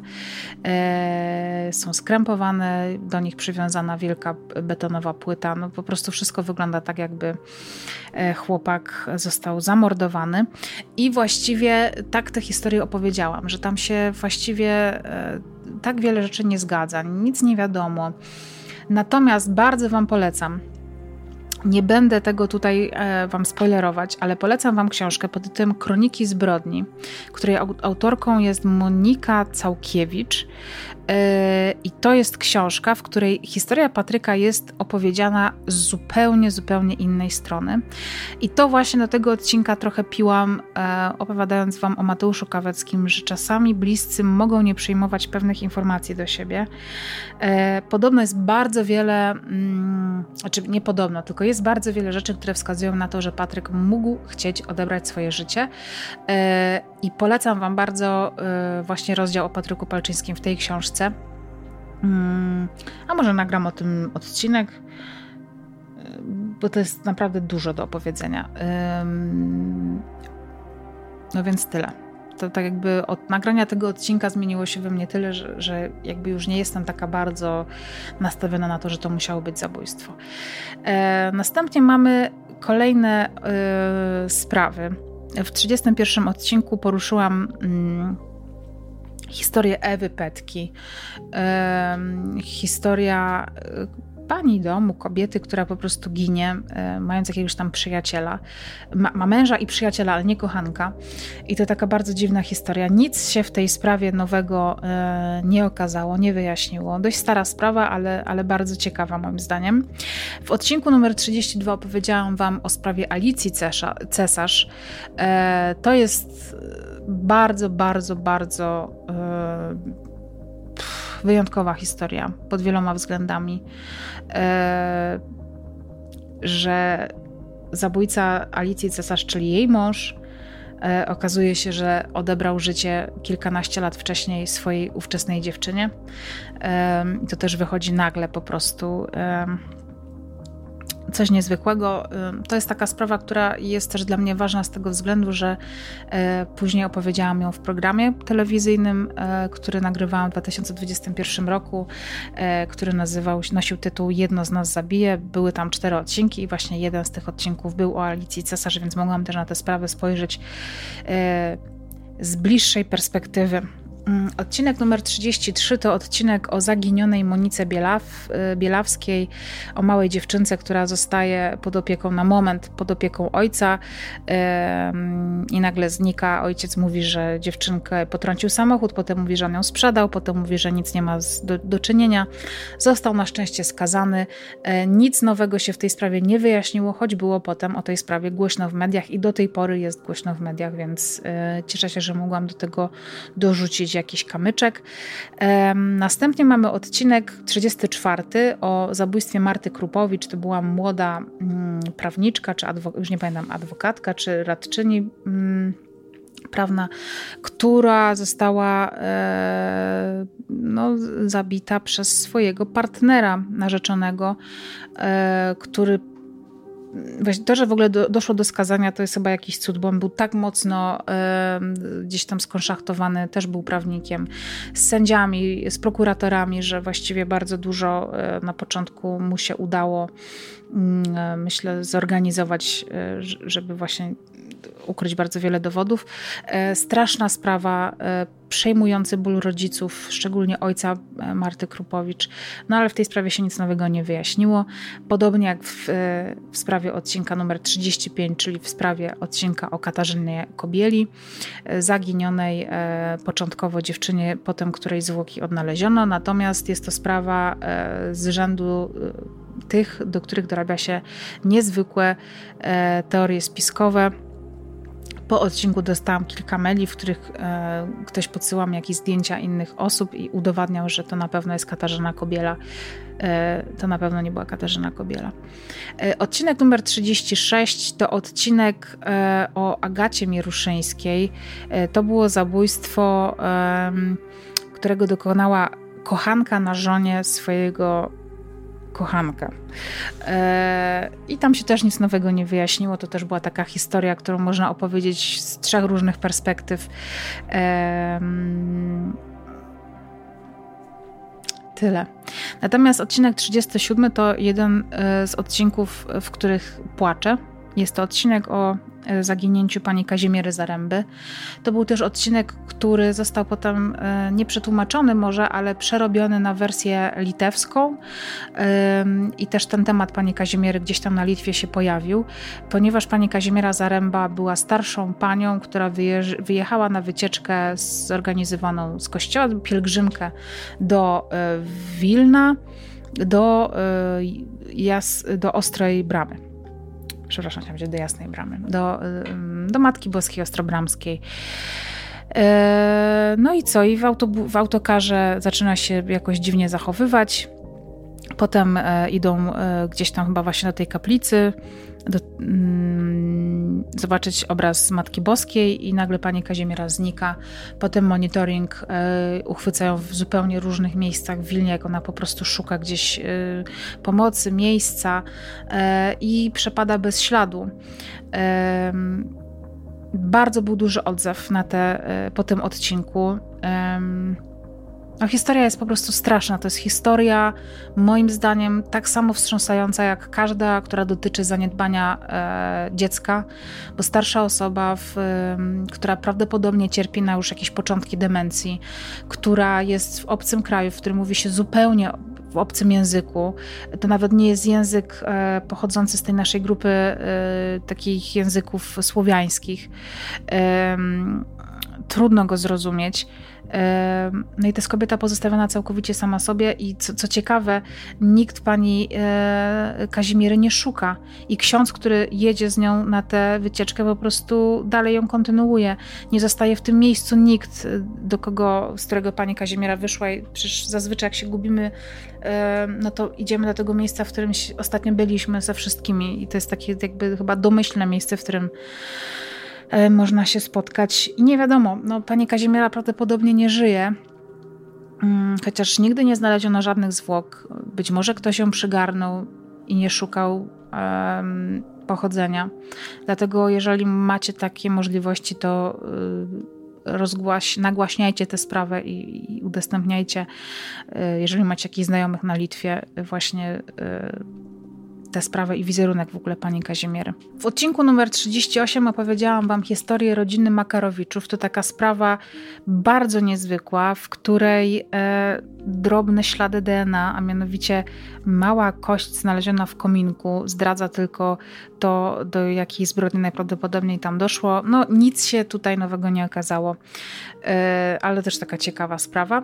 Natomiast w odcinku numer 39, w odcinku o Elizie Łopacińskiej, która została zamordowana, e, niby zginęła w wypadku samochodowym e, i spłonęła w samochodzie, no ale okazało się, że za tym wszystkim stał jej mąż, który to wszystko upozorował, e, Gabriel. E, no i cóż, okazuje się, że Gabriel jest autorem wielu książek, poezji, siedzi w więzieniu cały czas i co najciekawsze, jedna z moich słuchaczek jest pracownicą, mm, była pracownicą więzienia, w którym wówczas Gabriel Esz przebywał i miała z nim e, kontakt taki po prostu zawodowy. Mm. Osoba e, niezwykła, w sensie postać niezwykła. E, mówię tutaj o Gabrielu pod tym kątem, że to jest teraz bardzo oczywiście silnie wierzący człowiek, nawrócony. Natomiast ten rys psychopatyczny i pozbawienie jakiejkolwiek uczuciowości wyższej w tym człowieku jest do taki naprawdę do granic możliwości, ale to w jaki sposób próbuje zachować swoją twarz też jest takie fascynujące. E, polecam Wam przesłuchanie tego odcinka. Tutaj też o, o, dziwo był dla mnie odcinek, e, w którym było bardzo wiele komentarzy pod tytułem kto prowadził ten samochód, który zderzył się z samochodem Elizy. Gabriel go prowadził. E, jakby o tym był cały odcinek, więc to trochę mnie zaskoczyło, że dużo było takich komentarzy, być, ale być może po prostu ja powiedziałam coś w jakiś sposób niejasno. Odcinek numer 40 to odcinek o zabójstwie Michała Szwedka, e, chłopca, który mieszkał w Poznaniu. Mm, za zabójstwo, którego został skazany jego trochę starszy kolega Piotr, który później został uniewinniony i oczyszczony z zarzutów. Bardzo y, straszna sprawa, jak się w ogóle teraz myślę, że to jest jedna z trzech spraw o dzieciach, które poruszałam. Y, no i tutaj co? Nikt nie został skazany po Piotrze, natomiast wszystkie drogi prowadzą do y, kościoła i to był taki chyba pierwszy odcinek, e, za który dostałam strasznie dużo negatywnych komentarzy, e, że kalam e, imię Kościoła katolickiego. Mm. Pozostawię to bez komentarza. Będę kalała imię każdego zabójcy dzieci. I szczerze powiedziawszy, mam to gdzieś, czy to był ksiądz, czy nie. Jeżeli to był ksiądz, to tym bardziej. To jest godne potępienia. E, sprawa strasznie smutna, e, potwornie bolesna, która też zniszczyła życie Piotrowi. E, no, Michał nie żyje. Też sprawa poruszana w Opowiem Ci o zbrodni. Ten odcinek zrobiła Joanna Opiat-Bojarska i bardzo Wam go polecam. Bardzo też właśnie polecam książkę każdy sezon tego programu przynosi książkę, w której są opowiadania właśnie pisarzy o tych y, sprawach kryminalnych i to jest bardzo y, ciekawa lektura. Niestety. Odcinek numer 41 to odcinek o y, śmierci Andrzeja Załuchy i Zuzanny Leśniak, czyli sprawa y, zabójcy, y, który był mężem Zuzanny Leśniak, nazywał się Yves Goulet. No to taka bardzo głośna sprawa, bardzo smutna. E, komentarze były bardzo różne. Część tych komentarzy skupiała się tylko i wyłącznie na osobie Zuzanny Leśniak, która po prostu e, miała kochanka, ale kobietom się tego trochę mniej wybacza niż mężczyznom. E, trochę mówiono o tym, że mm, ofiary miały to, na co zasłużyły, ale z drugiej strony było mnóstwo komentarzy, które e, nie rozumiały tego, że jak można w ogóle wybaczyć takie, takie zabójstwo panu Iwowi, jeżeli tak się odmienia to e, imię po polsku, ale chyba tak. W każdym razie to taka niezwykła historia, w której zabójca potem bardzo, bardzo, bardzo, bardzo, bardzo, bardzo tego żałował. Odsiedział swój wyrok w więzieniu i potem próbował córce Andrzeja Zauchy E, jakoś to zrekompensować i chyba przekazał jakieś pieniądze. Z tego co pamiętam, nie pamiętam czy ona przyjęła, czy nie. No, możecie to zawsze sprawdzić, odsłuchując znowu odcinek. E, odcinek numer 42 to był odcinek o zabójstwie Beaty Jäger i jej córek. E, w zabójstwie, o które był przez wiele lat podejrzewany jej mąż, jej były mąż wówczas, ojciec dziewczynek. I ja tę sprawę, jak zaczęłam o niej opowiadać, to byłam przekonana, przekonana, że to on jest sprawcą, a okazało się, że nie. I został e, ten człowiek e, oczyszczony z zarzutów, uniewinniony. Wyszedł na wolność e, i opowiada dzisiaj tę historię. Mm, zresztą odcinek nazywał się Tak wygląda życie w czyśćcu, ponieważ tę historię też opisał. Mm,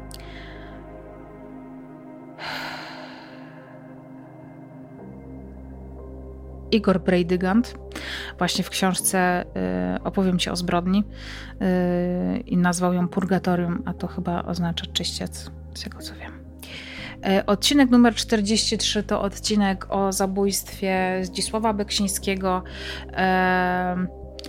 To był jeden z krótszych w ogóle odcinków, ale zdecydowałam się na to, że nie poświęcę jakby mm, tak wiele uwagi życiu Beksińskiego, bo albo w to życie się wchodzi na całego i wtedy ten odcinek chyba miałby 10 godzin, y, albo tylko gdzieś tam pokrótce się o tym opowiada. Tutaj się jednak głównie skupiłam na tej kryminalnej stronie tej sprawy i w ogóle śmierci w tej rodzinie, bo to taka y, rodzina, w której właściwie każdy umierał w jakichś bardzo tragicznych okolicznościach. W odcinku numer 45 opowiedziałam e, zupełnie e, taką historię, której nie ma w mediach. Opowiedziałam historię e, razem z Centrum Praw Kobiet, które udostępniło mi pamiętnik ofiary przemocy domowej, która później straciła życie z rąk, z rąk swojego męża. Odcinek nazywa się Ten pamiętnik to dowód piekła. Tam otrzymałam po prostu Centrum Praw Kobiet tę historię plus ten pamiętnik i było to niezwykle wstrząsające doświadczenie. Odcinek numer 46 to jest odcinek e, po prostu, jeżeli jest na przykład trzynastka jako pechowa liczba, to dla mnie to będzie 46, ponieważ odcinek numer 46 to odcinek, który wrzucałam dwa razy. E, I pierwszy raz go wrzuciłam, ponieważ bazowałam na książce e, którą już tu wcześniej wymieniłam, a której współautorem jest e, bardzo znany polski profiler Bogdan Lach. E, I jak się okazuje, najprawdopodobniej pan Bogdan Lach miał bardzo duże problemy z pamięcią, pisząc tę książkę, e, ponieważ e, tę historię w książce opisano zupełnie inaczej niż później zekranizowano ją e, w programie Opowiem Ci o zbrodni. Ja wtedy współpracowałam z telewizją Crime and Investigation i jakby aktywnie brałam udział w promocji tego programu, który zresztą uważam za świetny program. On teraz wygląda jeszcze lepiej, ale wiem sama też jak wygląda produkcja tego programu, że to nie jest tylko tak, że bierze się autora książek i tam właśnie pana profilera i proszę, powiedzcie nam, co wiecie na ten temat, tylko e, jeździ się po sądach, po archiwach, rozmawia się z prokuratorami i tak dalej. No i w programie, już bazując na aktach, na faktycznych danych, e, historia była opowiedziana zupełnie inaczej. Ja, robiąc ten odcinek, znałam tylko fakty z książki no, Bogdana Lacha, doskonałego specjalisty, e, Katarzyna Bonda, świetna przecież nie tylko pisarka, ale też właśnie taka pisarka, reporterka tej kryminalna. No i bam, okazało się, że w ogóle e, historia zupełnie inna, bo wy już słuchając odcinka znaliście, e, mm, znaliście program. I musiałam ten odcinek nagrać od nowa e, zmieniłam go. Byłam wściekła, słuchajcie, byłam wściekła. Pod moim adresem też się wtedy pojawiło bardzo dużo takich negatywnych, no słusznie, niesłusznie. E, każdy ma prawo do pomyłki, ale rozumiem, że jeżeli ja przedstawiam historię prawdziwą, a nagle mówię, że doszło do gwałtu i potem coś tam i coś tam i coś tam e, i w ogóle doszło, no wiecie, to, na przykład nie pamiętam ale takie naprawdę bardzo znaczne były różnice dotyczące nawet sprawców i w ogóle tego, czy by ich było dwóch czy jeden i czy zostali skazani czy nie.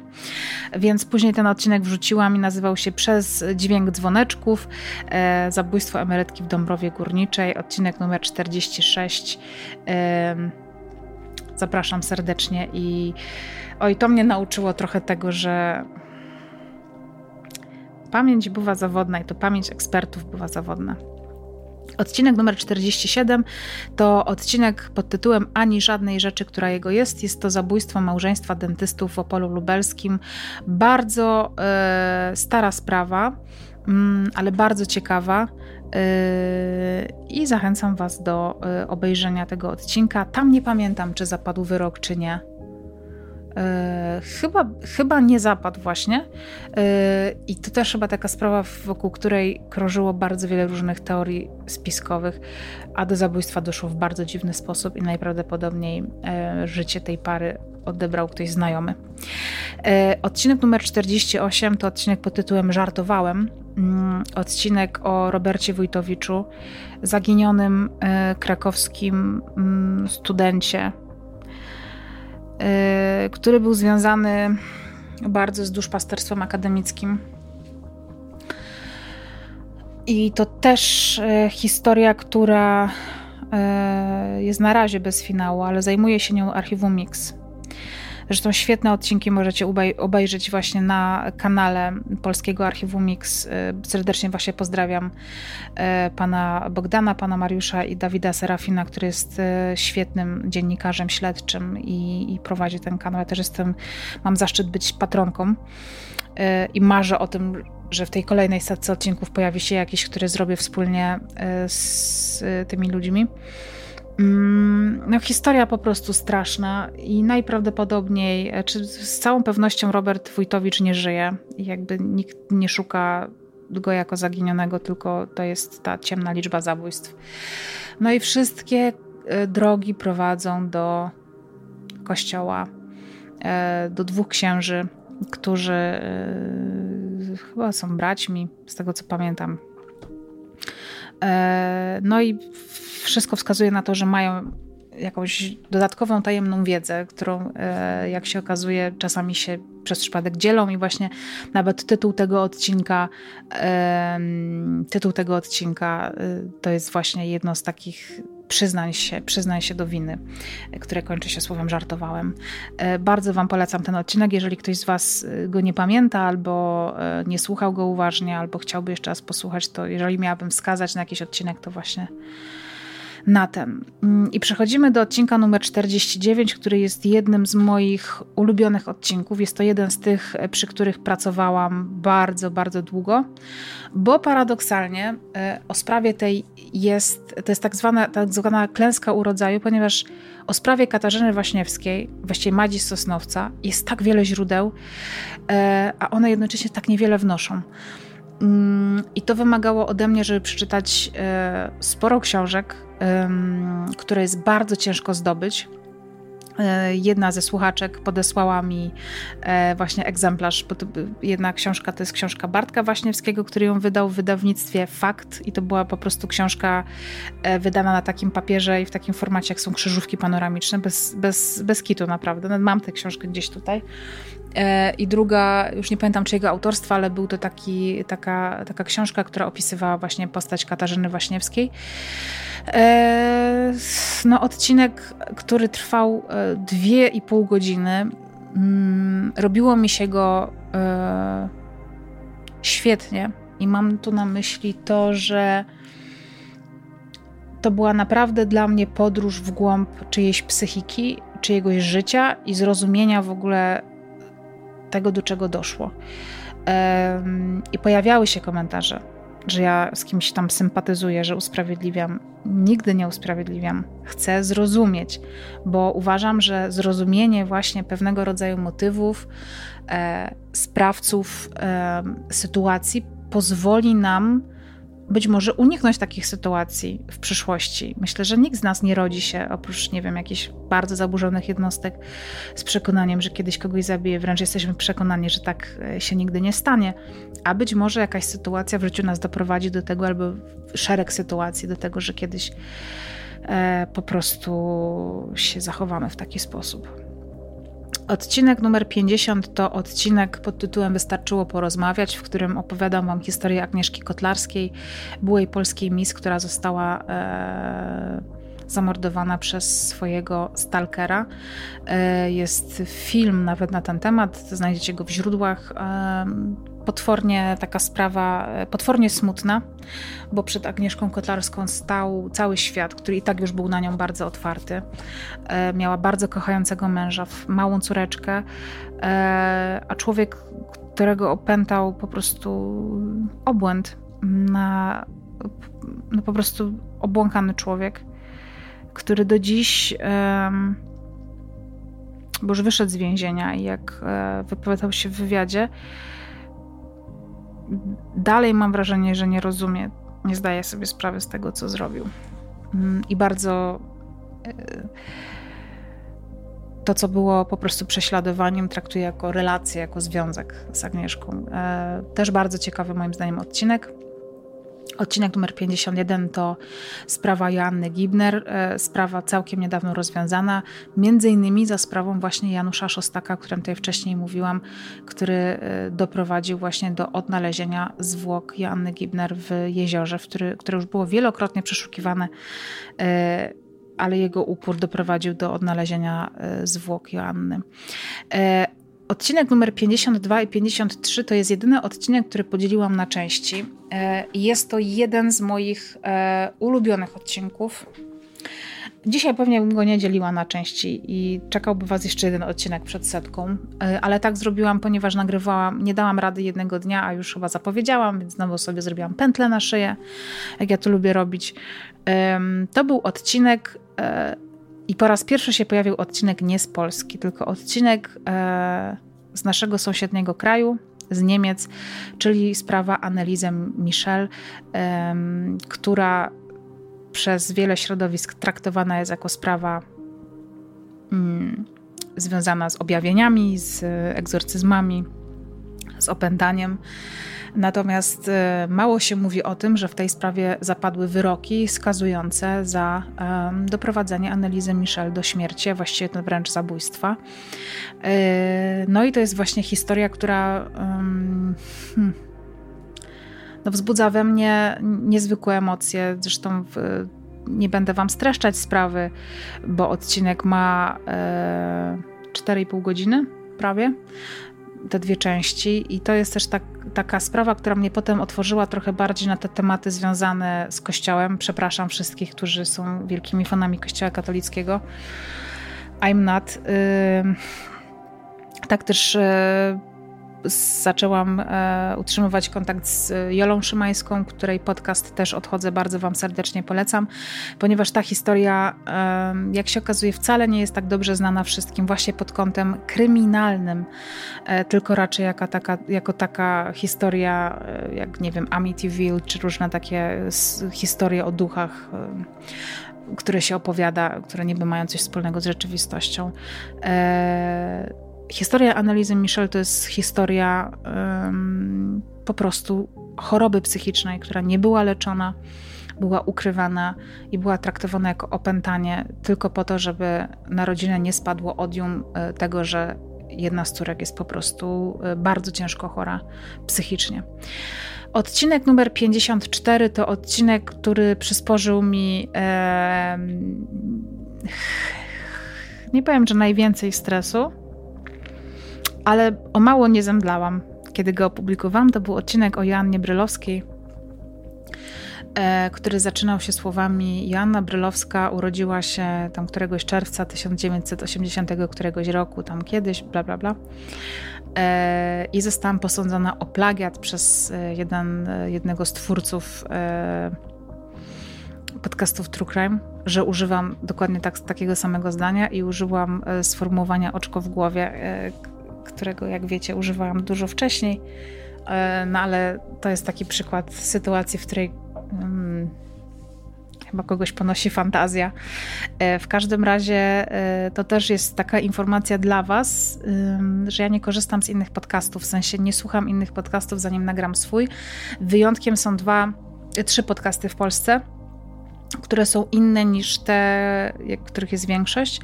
Pierwszy to jest podcast e, Morderstwo Niedoskonałe Tomasza Ławnickiego, ponieważ on rozmawia z gośćmi e, i goście czasami to są ludzie, którzy prowadzili na przykład śledztwa albo są to jacyś tam specjaliści. E, podcast właśnie Archiwum Mix, bo to są eksperci, którzy nad tymi sprawami pracowali.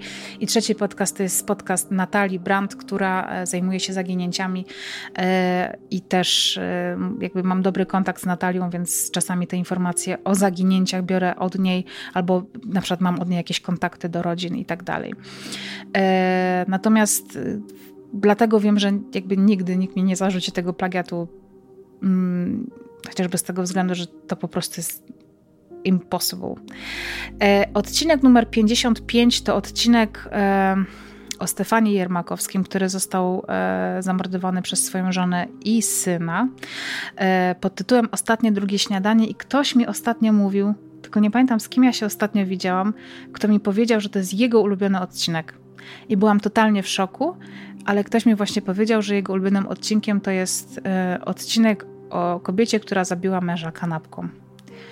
E, więc to, to właśnie ta sprawa, e, moim zdaniem, bardzo smutna i taka mm, bardzo ciekawa pod kątem właśnie kryminalistycznym, bo też nic by się nie wydało e, na jaw, gdyby nie długi język sprawczyni.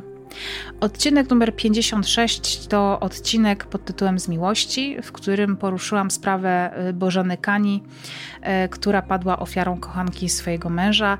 Jest to sprawa, która mi się szalenie kojarzy y, z inną historią, też bardzo podobną mm, tylko tutaj właśnie kochanka odbiera życie żonie żonie swojego jakby y, ukochanego, natomiast w innym odcinku, o którym też y, opowiedziałam, w bardzo podobnej sytuacji, która też się dzieje w bardzo podobnym jakby miejscu i otoczeniu, kochanka zabija dziecko swojemu ukochanemu, tak bym to nazwała. Sprawa numer 57 to odcinek e, pod tytułem Na korzyść oskarżonego, w którym e, poruszam sprawę zabójstwa pani Antoniny Ćwik i jest to sprawa szczególnie mi bliska, bo jest to jedna z pierwszych spraw kryminalnych polskich, o jakich w życiu słyszałam. Być może dlatego, że jest to sprawa z Katowic. E, jest to sprawa bardzo ciekawa. Nagle się pojawia w życiu pani Antoniny po prostu z dnia na dzień jakiś mężczyzna, który mówi jej coś o jakichś pieniądzach, o markach, które mają przyjść z Berlina, bo to jest jeszcze, to są lata 80. E, i pani e, Antonina zostaje znaleziona martwa w swoim mieszkaniu. E, kilka osób widzi tego sprawcę, kilka osób z nim nawet rozmawia, jest rysopis, jest tatuaż, charakterystyczne rzeczy i nigdy tego człowieka nie znaleziono. I jest to taka sprawa, która mnie naprawdę gdzieś tam cały czas męczy. Szczerze powiedziawszy, że dalej nic nie wiadomo.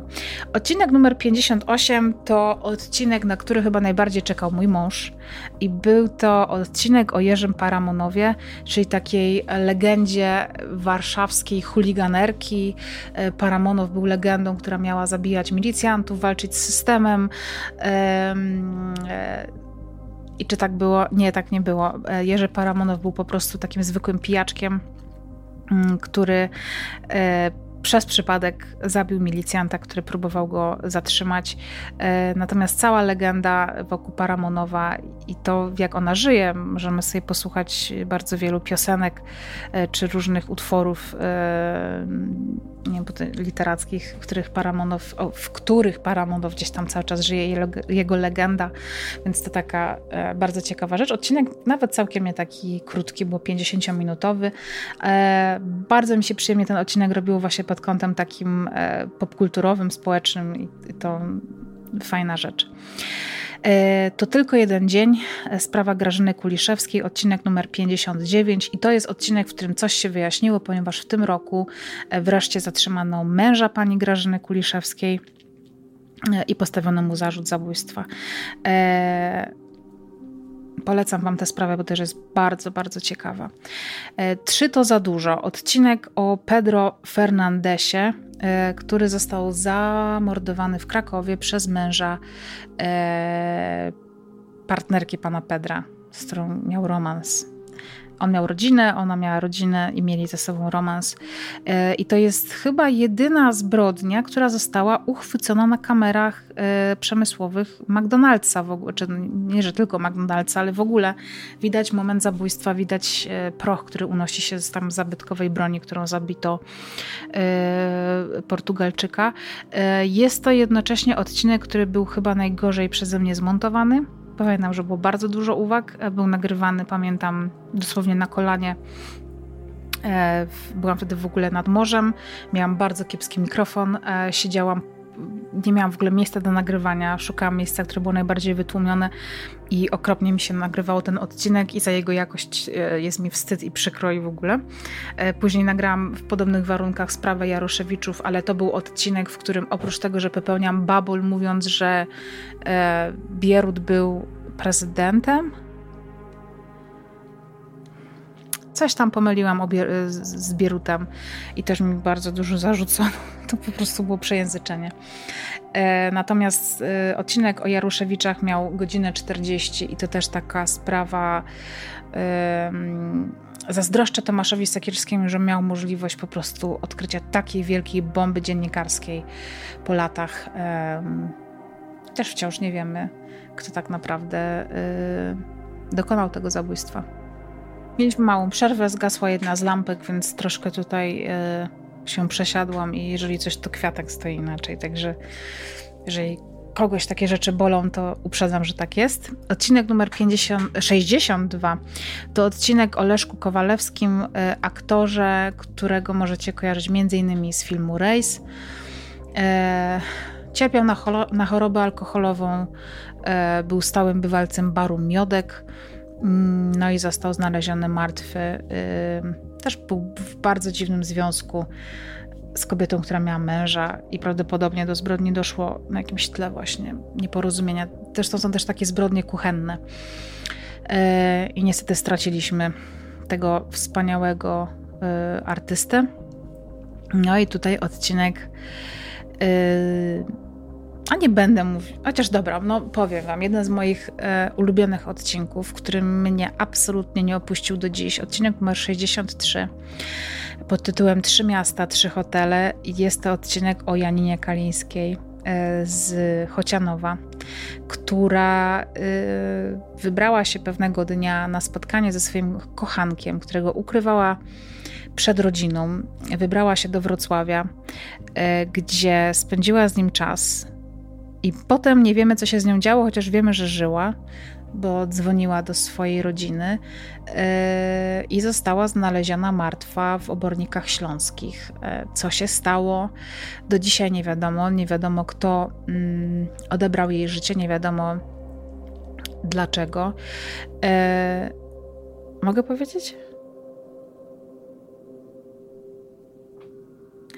Ale myślę, że tę sprawę na pewno poruszę w tym podcaście jeszcze raz, e, bo jest to właśnie ten, ten, ten rodzaj sprawy, który mi po prostu nie dał e, spokoju.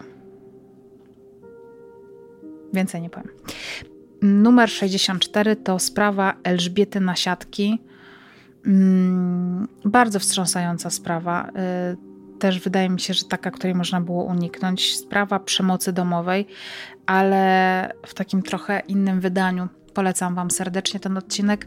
Tutaj nic nowego się nie wyjaśniło, nie okazało. E, więc możemy przejść do odcinka numer 65. A to kolejny odcinek taki stricte warszawski, bo dotyczy um, napadu na bank na Jasnej. E, jest są to lata 60. E, stara sprawa, ale sprawa, w której też doszło do zabójstwa. No i to chyba taki najśmielszy, najbardziej śmiały polski, nie, nie najbardziej śmiały, e, bo jeszcze był napad na bank w Wołowie. Mm, to też bardzo ciekawa sprawa. Tylko tam nikt nie ginie, więc ta sprawa nigdy się nie pojawi na, e, w tym podcaście. Oczywiście tutaj głównie zawdzięczam ten odcinek mojemu mężowi, który y, na przykład, y, jeżeli y, znacie taką, taką serię zagadki z tamtych lat, to właśnie był jednym z operatorów oraz grał tam w jednej z inscenizacji w tym odcinku, tak możecie zobaczyć mojego męża, także to jest kolejna sytuacja, w której widziałam mojego męża zanim go w ogóle poznałam, bo widziałam ten odcinek dużo wcześniej, miał jeszcze włosy i miał kaszkiet. Um, Odcinek numer 66 to odcinek o Wiesławie Dachowskim, odcinek pod tytułem Bez odbioru. Wiesław Dachow, Dachowski był pracownikiem radi, Polskiego Radia e, w Szczecinie. E, sprawa rozwiązana, e, bardzo ciekawa, też bardzo taki ciekawy życiorys. Jestem ciekawa, czy gdybym dotarła do akt, to jakby jak, jak, czego bym się z tych akt dowiedziała na temat życia pana Wiesława Dachowskiego, bo był osobą dość skrytą, ale z drugiej strony miał bardzo bujne życie towarzyskie, które ukrywał przed tymi znajomymi, z którymi spędzał najwięcej czasu w pracy. E, odcinek numer 67, który jest numerowany, ale to nie jest odcinek, który pojawił się na kanale w całości, bo to był pierwszy płatny odcinek i jedyny, który dzisiaj omówię, ponieważ reszta płatnych odcinków jest nienumerowana E, bo uznałam, że to nie jest część tej serii. To jest odcinek o Magdalenie Żuk. E, I to był odcinek, z którego e, połowę dochodu przekazywałam, nawet nie połowę, więcej niż połowę, bo 5 zł. Odcinek kosztował 9,90, 9,90 chyba przekazywałam na Fundację Lastrada, która walczy z handlem ludźmi. I Powiem Wam tylko tyle, że po roku od publikacji tego podcastu Lastradzie przekazałyśmy, mówię przekazałyśmy, bo razem z Martą, która jakby tutaj mm, czuwa nad tą formą, nad tą sferą właśnie płatności za odcinki tych płatnych platform i tak dalej. E, przekazałyśmy ponad 100 tysięcy złotych e, i to mnie kompletnie zmiotło z planszy, w sensie ta kwota. E, pozytywnie oczywiście zaskoczyliście mnie, dlatego zaczęłam potem też robić płatne odcinki, między innymi ukazał się odcinek o Ewie Tylman, okazał się audioserial o Zdzisławie Marchwickim i Joachimie Knychale oraz ostatnio okazał się, ukazał się odcinek o Katarzynie Zowadzie.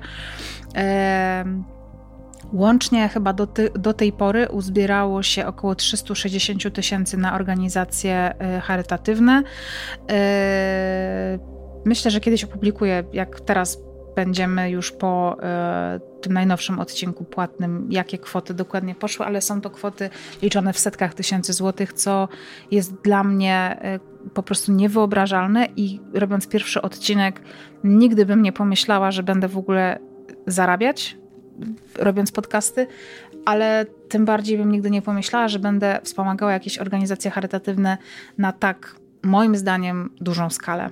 E, I to jest oczywiście Wasza zasługa i bardzo Wam za to dziękuję. Jesteście wspaniali. E, I chcę Was tylko poinformować, że niedługo te odcinki też będą dostępne w takiej formie bardziej przystępnej, bardziej wygodnej dla Was. E, więc to też nie jest tak, że to zawsze będzie takie trudne jak teraz.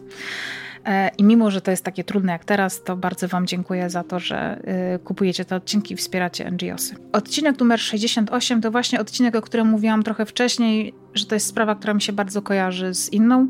E, to jest sprawa o Marioli M., która odebrała życie synowi swojego kochanka właściwie, no tak, no, jakiegoś tam partnera. Odcinek nazywa się Za tę miłość zapłaci ktoś inny. Wstrząsająca sprawa, historia niezwykła. Mm, w takim oczywiście negatywnym wymiarze. I odcinek numer 69 to odcinek, który zrobiłam tuż po powrocie z podróży poślubnej w zeszłym roku, bo właśnie podczas tej podróży poślubnej miałam Kindla, bardzo dużo czytałam. Wtedy w ogóle do mnie dotarło, że czytniki są takie super, że nawet jak jestem w Egipcie, to mogę sobie po prostu książkę w 3 minuty za pomocą internetu ściągnąć. Nigdy o tym jakby nie pomyślałam, że to dostępność książek jest taka super zafrapowała mnie okładka i czesk, czeskie imię i nazwisko. E, nie wiem, czy tutaj w tle widać, ale nie, bo jest tło rozmazane. Tam z tyłu są takie, taka mapa myśli moja i tam między innymi jest właśnie imię i nazwisko ręcznie pisane właśnie przez sprawczynię całego, całej tej tragedii, czyli Olgę Hepnarową. Jest to drugi odcinek, który zrobiłam o sprawie zagranicznej, ale wciąż e, bardzo bliskiej e, nam kulturowo, no jakby Czechy jest to taka trochę Polska w, odbita jakby po drugiej stronie lustra może trochę milsza. E, sprawa niezwykle e, tragicznej, w ogóle postaci, jaką była Olga Hepnarowa. E, kobieta, która też chorowała psychicznie, nie została nigdy objęta, moim zdaniem, należytą opieką, chociaż ona była poddawana różnym e, terapiom, formom leczenia i tak dalej. Była przez rodziców raczej źle traktowana. E, I to kobieta, która pewnego dnia wjechała ciężarówką w skupisko ludzi czekających na przystanku, mm, wydając wcześniej manifest. E, właśnie ja, Olga Hepnarowa i tak dalej, i tak dalej. Mm, bardzo Wam polecam ten odcinek i też w ogóle ta sprawa, jest naprawdę fascynująca, taka wciągająca. E, odcinek numer 70 to odcinek o Agnieszce Kozakiewicz. Sprawa z okolic e, Sandomierza, z tego co kojarzę. E, sprawa nauczycielki, która cierpiała na chorobę alkoholową i która została, słuchajcie, no wy wiecie, zamordowana z rąk swoich rodziców, swojego brata. E, tragiczna historia. E, rodzina nigdy nie żałowała tego, że odebrała życie czarnej owcy. E, potworna historia. Naprawdę potworna. Oczywiście nic nowego się tutaj nie wyjaśniło, bo doszło do skazania. Odcinek numer 71, czyli sprawa Jakuba Szymandy, to sprawa niewyjaśnionego zabójstwa młodego mm, chłopaka. Ostatnio pojawił się y, materiał w TVN, jeszcze go nie widziałam, ale to zachęcam Was do tego, żebyście obejrzeli. Nie wiem, czy uwaga, czy superwizjer w każdym razie, albo, albo TVN24, przepraszam, któryś z tych materiałów, ale jak sobie wpiszecie Jakub Szymanda, to wyskoczą Wam najnowsze materiały. Wiem, że sprawą też zajmuje się krakowskie archiwum Mix, więc jestem bardzo ciekawa, co y, w tej sprawie wyjdzie. Y, też rodzice Jakuba kontaktowali się ze mną po tym odcinku i dziękowali za nagłaśnianie tej sprawy mm, był to jedyny syn państwa Shimandów, więc coś strasznego. E, dalej kolejna niewyjaśniona sprawa, czyli sprawa Pawła Pysia, odcinek numer 72, kierowca tira, który zostaje znaleziony martwy nagle. E, jest ewidentnie pobity, natomiast e, jest to sprawa nieuznana za zabójstwo. Tylko jako po prostu śmierć taka naturalna. Mm, bardzo ciekawa sprawa, po której przysłaliście mi bardzo dużo w ogóle różnych e, wiadomości, które przekazałam dalej.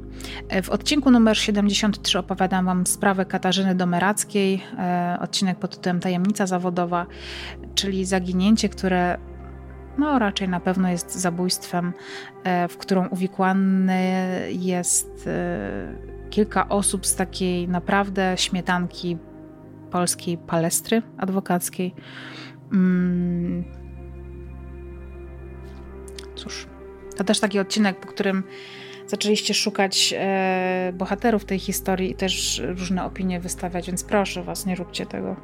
Potem tylko mogę ja mieć za to problemy. Odcinek numer 74 to odcinek e, o Irenie Wacław, mieszkance Gliwic, która odebrała życie dwóm staruszkom. Irena Wacław wyszła na wolność, bo już odbyła e, karę. Nawet znalazłam jej profil na Facebooku. Mm, więc chyba wiedzie życie tak jak to jest też w ogóle bohaterka programu Cala Numer oraz bohaterka książki Kata, Katarzyny Bondy Polskie Morderczynie.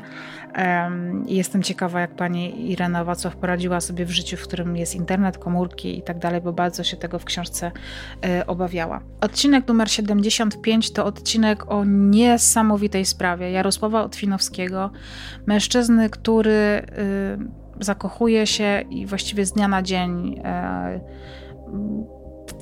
żeni się z kobietą, która później odcina go od rodziny, odcina go od znajomych, doprowadza do jego ruiny, a później e, nagle on ginie, bo miał spaść ze schodów. Sprawa niewyjaśnionej śmierci. E, skontaktowała się ze mną e, dalsza krewna pana Jarosława Otwinowskiego i powiedziała mi, że bardzo chętnie ze mną porozmawia jeszcze latem, jeszcze w wakacje. E, bardzo chętnie bym się dowiedziała, co wiadomo w tej sprawie. Mm, tragiczna historia i bardzo Wam polecam ten odcinek, jeżeli ktoś z Was jeszcze tego nie słuchał. No i przechodzimy niestety do odcinka numer 76, czyli odcinka o zaginionej Klaudii Jarneckiej, mm, której zwłoki niestety zostały niedawno, dosłownie parę tygodni temu, yy, znalezione i potwierdzono, że to zwłoki Klaudii Jarneckiej. Nie wiadomo w jaki sposób zginęła yy, i czy ktoś za tym stoi. Yy, Myślę, że to jest sprawa rozwojowa i będę o niej Was informować. W odcinku 77 opowiedziałam Wam historię Małgorzaty Rozumeckiej. Tutaj nic się nie zmieniło. Małgorzata nadal przebywa w więzieniu i odbywa wyrok dożywocia za zabójstwo dwóch e, mężczyzn. E, to jest sprawa tak zwanych dealerów e, ery. Odcinek numer 78 to odcinek, który mi się niezwykle kojarzy z odcinkiem właśnie, o którym wcześniej powiedziałam, o Gabrielu Esz, który zabił swoją żonę. Jest to sprawa Beaty Kotwickiej-Iwanowskiej. Czy to jest jakaś sprawiedliwość? E, nic się w tej sprawie nowego nie okazało. Bardzo, bardzo, bardzo straszna sprawa. I też to, w jaki sposób rodzina y, musiała przejść przez tę tragedię, jest dla mnie po prostu bardzo takie łamiące serce. E, w odcinku 79 opowiedziałam Wam historię e, Krzysztofa Osucha. To też sprawa, e, w której nie znaleziono sprawców. Natomiast raczej zakłada się, że to nie Krzysztof Osuch miał paść ofiarą zabójców. To odcinek, w którym, mm, po którym dostałam mnóstwo komentarzy, które bardzo dużo mówiły o właśnie ofierze, o panu Krzysztofie y, Osuchu i to w taki dziwny sposób, że wcale nie był dobrym naukowcem, wcale nie był jakiś tam jak uważano, więc zastanawiam się o co w ogóle chodzi, po co takie komentarze w ogóle pisać. E, pan Krzysztof był e, bardzo uznanym e, polskim właśnie naukowcem, który pracował też w RPA i właśnie żył na te dwa kraje, RPA i Polskę no i niestety jego kariera zawodowa została brutalnie przerwana. E, w 80. odcinku opowiadałam Wam historię Grzegorza L., który został skazany za zabójstwo. Mm, też pogrążył go pamiętnik, więc to też taka ciekawa sprawa. W 81. odcinku opowiedziałam Wam historię Mateusza Żukowskiego e, pod tytułem e, Dzień Matki ten odcinek, ponieważ Mateusz zaginął właśnie w Dzień Matki. E, sprawa jest dalej rozwojowa. Mm, wiem, że ostatnio przekopywano jakieś tereny w okolicach e, miejsca zamieszkania Mateusza Żukowskiego mimo, że do tego zaginięcia doszło już wiele lat temu, to cały czas dzieją się e, jakieś poszukiwania, więc to akurat mnie cieszy. W 82 odcinku opowiedziałam Wam historię Joanny Sendeckiej. To była sprawa, która mną mega wstrząsnęła. E, brutalność tej zbrodni, e, przypadkowość, e, tragedia e, i w ogóle piętno, jakie ta sprawa odcisnęła na przykład na, na ówczesnym chłopaku Joanny Sendeckiej i to, że jej tak życie brutalnie przerwano tuż u tego progu wejścia w dorosłość, w tą niezależność, no coś strasznego. Natomiast sprawa została rozwiązana, nic nowego się w niej nie pojawiło. W przeciwieństwie do sprawy numer 83, która nie została wyjaśniona, ale też nic nowego się nie, nie pojawiło w tej sprawie. To sprawa Zabrza, bardzo mało znana, bardzo mało popularna, mm, czy popularna, no bardzo mało znana po prostu. Sprawa zabójstwa Violetty Rybki, e, które to zabójstwo no bardzo mocno wskazuje na pewną osobę, ale nie można było tego w ogóle udowodnić. Um, okazało się, że znam parę osób, które znały panią Violettę, um, ale też niczego nowego jakby nie mogły do tej sprawy mi jakby dodać, powiedzieć. W odcinku numer 84 opowiedziałam wam historię Joanny Surowieckiej. Um, to też taka historia, w której Myślę, że naprawdę to taka historia nadająca się na dobry dokument, w jaki sposób nieustępliwość śledczych i sprawdzanie na bieżąco spraw, które nie zostały wykryte, e, takie wiecie, co jakiś czas wracanie do nich doprowadza do, e, przynosi super rezultaty, bo właśnie w taki sposób dotarto do e, telefonu Joanny, który po latach został użyty, a sprawca ofiarował go swojej żonie w prezencie. W 85 odcinku poruszyłam sprawę Józefa Nędzy, jego zabójstwa przez właśnie nie wiadomo kogo. To też taka ciekawa historia z Zakopanego. W 86 odcinku poruszyłam sprawę Piotra Gruszczyńskiego, potworna zbrodnia. To taka historia, w której czyjeś dobro, czyjeś dobre serce zostaje tak całkowicie e, wykorzystane i, i później, później e, zdeptane. W odcinku 86 poruszyłam e, sprawę Marty Herdy e, pod tytułem Dziwny Wypadek i mimo, że w tej sprawie zapadł wyrok, to wciąż uważam, wcale nie, nie obstaję za żadną ze stron pod tytułem czy Dorota, czy Marta Herda dokonała tej zbrodni, czy nie dokonała tej zbrodni. Natomiast uważam, że wyrok dożywocia przy tak bardzo dużej liczbie i w ogóle zastrzeżeniach, że Marta nie miała tłumacza, bo do zbrodni doszło e, na terenie Irlandii. Um, I przy tak wielu wątpliwościach wydaje mi się, że tak, e, tak srogi wyrok nie powinien zapaść. Zresztą to jest podobno ewenement, że w, e, przy takiej sytuacji zapada tak ciężki wyrok, więc to taka historia, która no, mną bardzo wstrząsnęła pod tym względem i jest taką dla mnie zagadką. E, w odcinku numer 88 E, opowiadam o zaginięciu Fabiana Zydora. To też sprawa, o której niedawno zrobiono e, bardzo świeży materiał. Sprawa, która jest cały czas e, aktywnie sprawdzana, więc mam nadzieję, że dojdzie do jakiegoś przełomu i do zatrzymania sprawców zabójstwa. W 89 odcinku opowiedziałam Wam historię tak zwanych dzieci w beczkach. Czyli to jest, ok, to jest czwarty odcinek, w którym opowiadam o dzieciach. Chociaż tutaj o tych dzieciach jakby nie mam za bardzo czego opowiadać, bo to są po prostu dzieci, które, mm, którym życie odebrano tuż przy ich narodzinach. Raczej to jest historia e, kompletnego braku edukacji, dostępu do, e, do pomocy, chociaż z drugiej strony e, myślę, że to jednak ta edukacja przede wszystkim, ponieważ dostęp do antykoncepcji był. Ale niestety. Odcinek numer a to źle powiedziałam. Numerowałam później płatne odcinki. E, numer 90 to sprawa e, Ewy Tylman, odcinek płatny, z którego dochód był przekazywany na Ukrainę. E, odcinek bardzo dobrze przez Was odebrany, więc też się bardzo cieszę i dzięki temu odcinkowi wpłacamy na organizację. Miał, to na początku być pach, ale coś z pachem jest nie tak, ponieważ jakby nie da się dokonać tej jakby darowizny Dobra, nie będę wchodzić w szczegóły. W każdym razie y, jesteśmy teraz na etapie y, szukania innej y, zbiórki, czy w sensie innej mm, fundacji, która by takie pieniądze e, na pomoc Ukrainie przyjęła, e, bo to niebagatelna kwota, e, bo około 120 tysięcy złotych, więc znowu wy brawo, brawo, brawo, brawo, brawo. A przypominam tylko, że odcinek został publikowany chyba w kwietniu, więc od kwietnia do lipca 120 tysięcy, wow. Odcinek numer 91 to odcinek o Sławomirze e, Kasprzaku. E, bardzo ciekawa sprawa, po której w komentarzach w ogóle odezwała się jedna z córek pana Sławomira, e, która powiedziała o tym, że jest bardzo dużo rzeczy w mediach, które nie do końca były prawdziwe, ale nie udało mi się skontaktować później dalej mm, z rodziną pana Sławomira.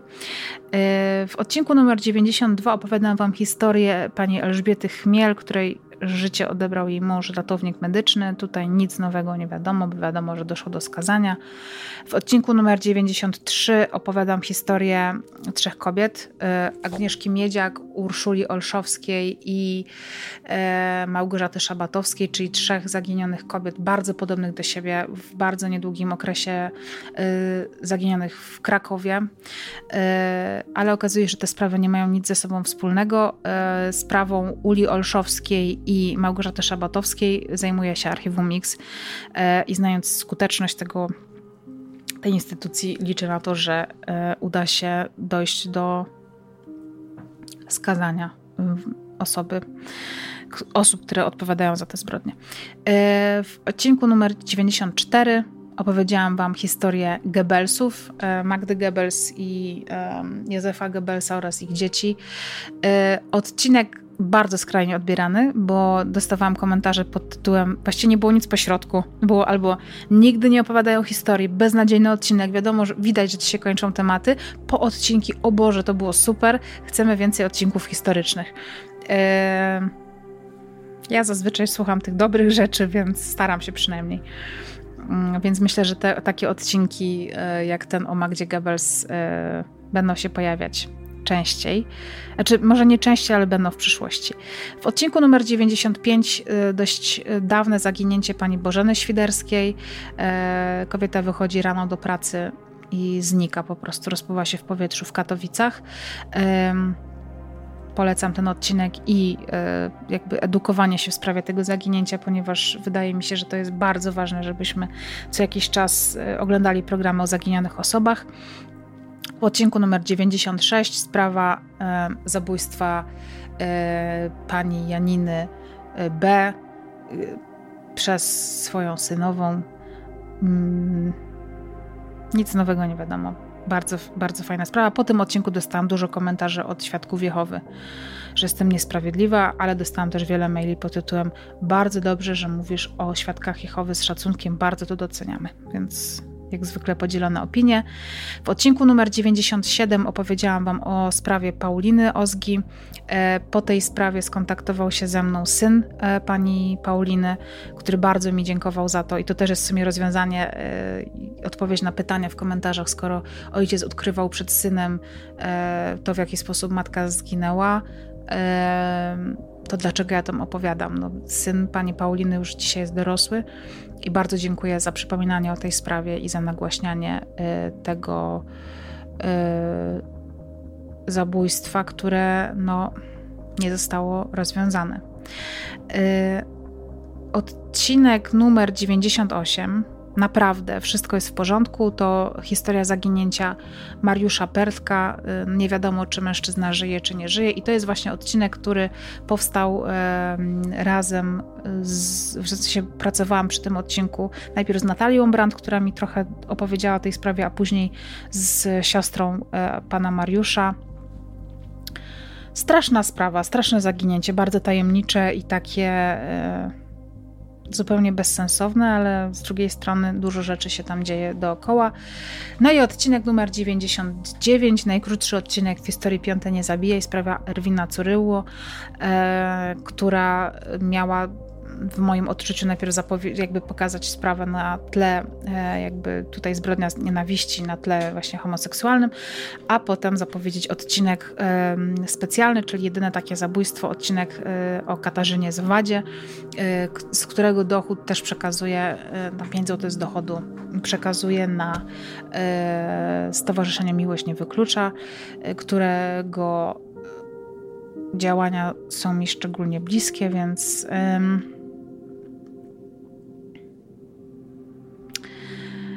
Więc to tyle. Tak wyglądało 99 odcinków Piąte Nie Zabijaj, doliczając odcinki specjalne, doliczając różne serie, które robiłam, e, na przykład dla Empik Go, e, Piąte Nie Zabijaj, Droga po Kresce, tego by wyszło trochę więcej, no ale takich regularnych odcinków Piąte Nie Zabijaj 99, dzisiaj odcinek setny, w którym podsumowałam tych, od, tych wszystkie te odcinki. E, i chyba możemy przejść powoli do um, ogłoszenia wyników plebiscytu. Na najlepszy odcinek Piąte Nie Zabijaj, e, wybrany przez Was. E, o, od czasu, kiedy powiedziałam Wam, ile osób wzięło w, udział w ankiecie, było to 6199, wzięły udział jeszcze trzy osoby, bo już teraz mam głosów 6202. E, no ale myślę, że te trzy głosy nie miały wpływu na ogólny. Mm, na ogólne wyniki. Ok, to będę Wam opowiadać teraz tak, że na pierwszym miejscu, według Was, wynikiem e, liczby głosów 1936, e, co dało razem 31%, jest odcinek, e, ucieszę się z tego mój mąż, odcinek Szymonek z Będzina. I jestem absolutnie zaskoczona, ponieważ był to odcinek, przy którym dostawałam e, właściwie co druga wiadomość czy komentarz to było: Nie będę tego słuchać. Ten odcinek sobie podaruję, ten odcinek pominę. Ale jak widać, jest to najlepszy odcinek według Was, piąte nie zabijaj, na te 100, które powstało. Mm. Drugie miejsce zajmuje odcinek. E... A, okej. Okay. Drugie, drugie miejsce liczbą głosów 1323, e, co stanowi łącznie 21,4%. Jest to sprawa pod tytułem Zbrodnia Połaniecka, odcinek numer 17. E, trzecie miejsce sprawa Iwony Wieczorek, 20%. Potem e, miejsce czwarte to zabójstwo Agaty z Zakopanego przez jej braci. E, o, z tego się najbardziej cieszę. E, numer, e, miejsce piąte to jest sprawa analizy Michel, dwa odcinki jako jeden z najlepszych odcinków. Następny odcinek to odcinek o Danucie Orzechowskiej, czyli odcinek, który ja uważam za najlepszy. Na miejscu e, na miejscu ósmym nie, czekajcie, które to jest miejsce? 1, 2, 3, 4, 5, 6. Na miejscu siódmym odcinek o Mateuszu Kaweckim na miejscu ósmym odcinek o Małgorzacie Śniegule, na miejscu dziewiątym odcinek o Katarzynie Waśniewskiej, a na miejscu dziesiątym o rodzinie Perzyńskich, czyli w sumie wszystko z tych najnowszych odcinków. E, najmniej głosów no nie będę mówiła, który oceniacie najgorszy, najgorzej, ale wydaje mi się, że to. O nie! Odcinek o Janinie Kalińskiej, czyli jeden z moich ukochanych odcinków, jest odcinkiem na num e, numer 98. Jedna dziesiąta procenta głosów. Więc jestem absolutnie przekonana, że gdybym e, dzisiaj konstruowała tę e, ankietę, to bym po prostu pomieszała je, te, odcinki miejscami, więc to jest wynik waszego głosowania. Odcinek Szymonek z Będzina jest według was najlepszym odcinkiem Piąte Nie Zabijaj. Nie polemizuję z tym, więc y, przyjmuję tutaj te wyniki. Mm. I w sumie na tym moglibyśmy zakończyć, ale y, mój mąż kiwa, że tak, bo już jest pewnie śpiący, bo jest już grubo po północy, bo już jest pierwsza w nocy, kiedy to nagrywamy. ale możemy zrobić przerwę. Ja teraz przeczytam sobie szybko pytania, które zadaliście podczas tych paru godzin i odpowiem na nie. Czy może podczas live'a odpowiem na te pytania? Dobra, to inaczej. 29 lipca, czyli dzisiaj, w piątek, o godzinie 21 zapraszam Was na live'a. Yy, gdzie ten live będzie? Na YouTubie. I tam odpowiem na pytania z grupy. Może tak to zróbmy. I oczywiście ten odcinek będzie zapisany jako taki odcinek 100. Yy, dodatek e, i tam będą pytania, bo już nie mam siły e, Was tutaj dłużej trzymać i teraz zamęczać Was odpowiedziami. Mam nadzieję, że ten odcinek Wam e, zaspokoi jakąś taką ciekawość na temat tego, co dalej w różnych sprawach. No i co? Mam nadzieję, że przy 200 odcinku również będziemy się mogli spotkać. Nie wiem skąd wezmę tych 200 spraw, ale to już jest wyzwanie, e, które leży po mojej stronie. Aha, 100, no tak, mój mąż mi mówi, przecież 100, no tak, skąd wezmę kolejnych 100 spraw? E, no ale to już jest moje zmartwienie. E, dziękuję Wam bardzo za uwagę. Jak zwykle proszę Was o to, żebyście dbali o siebie i byli bezpieczni. Cześć.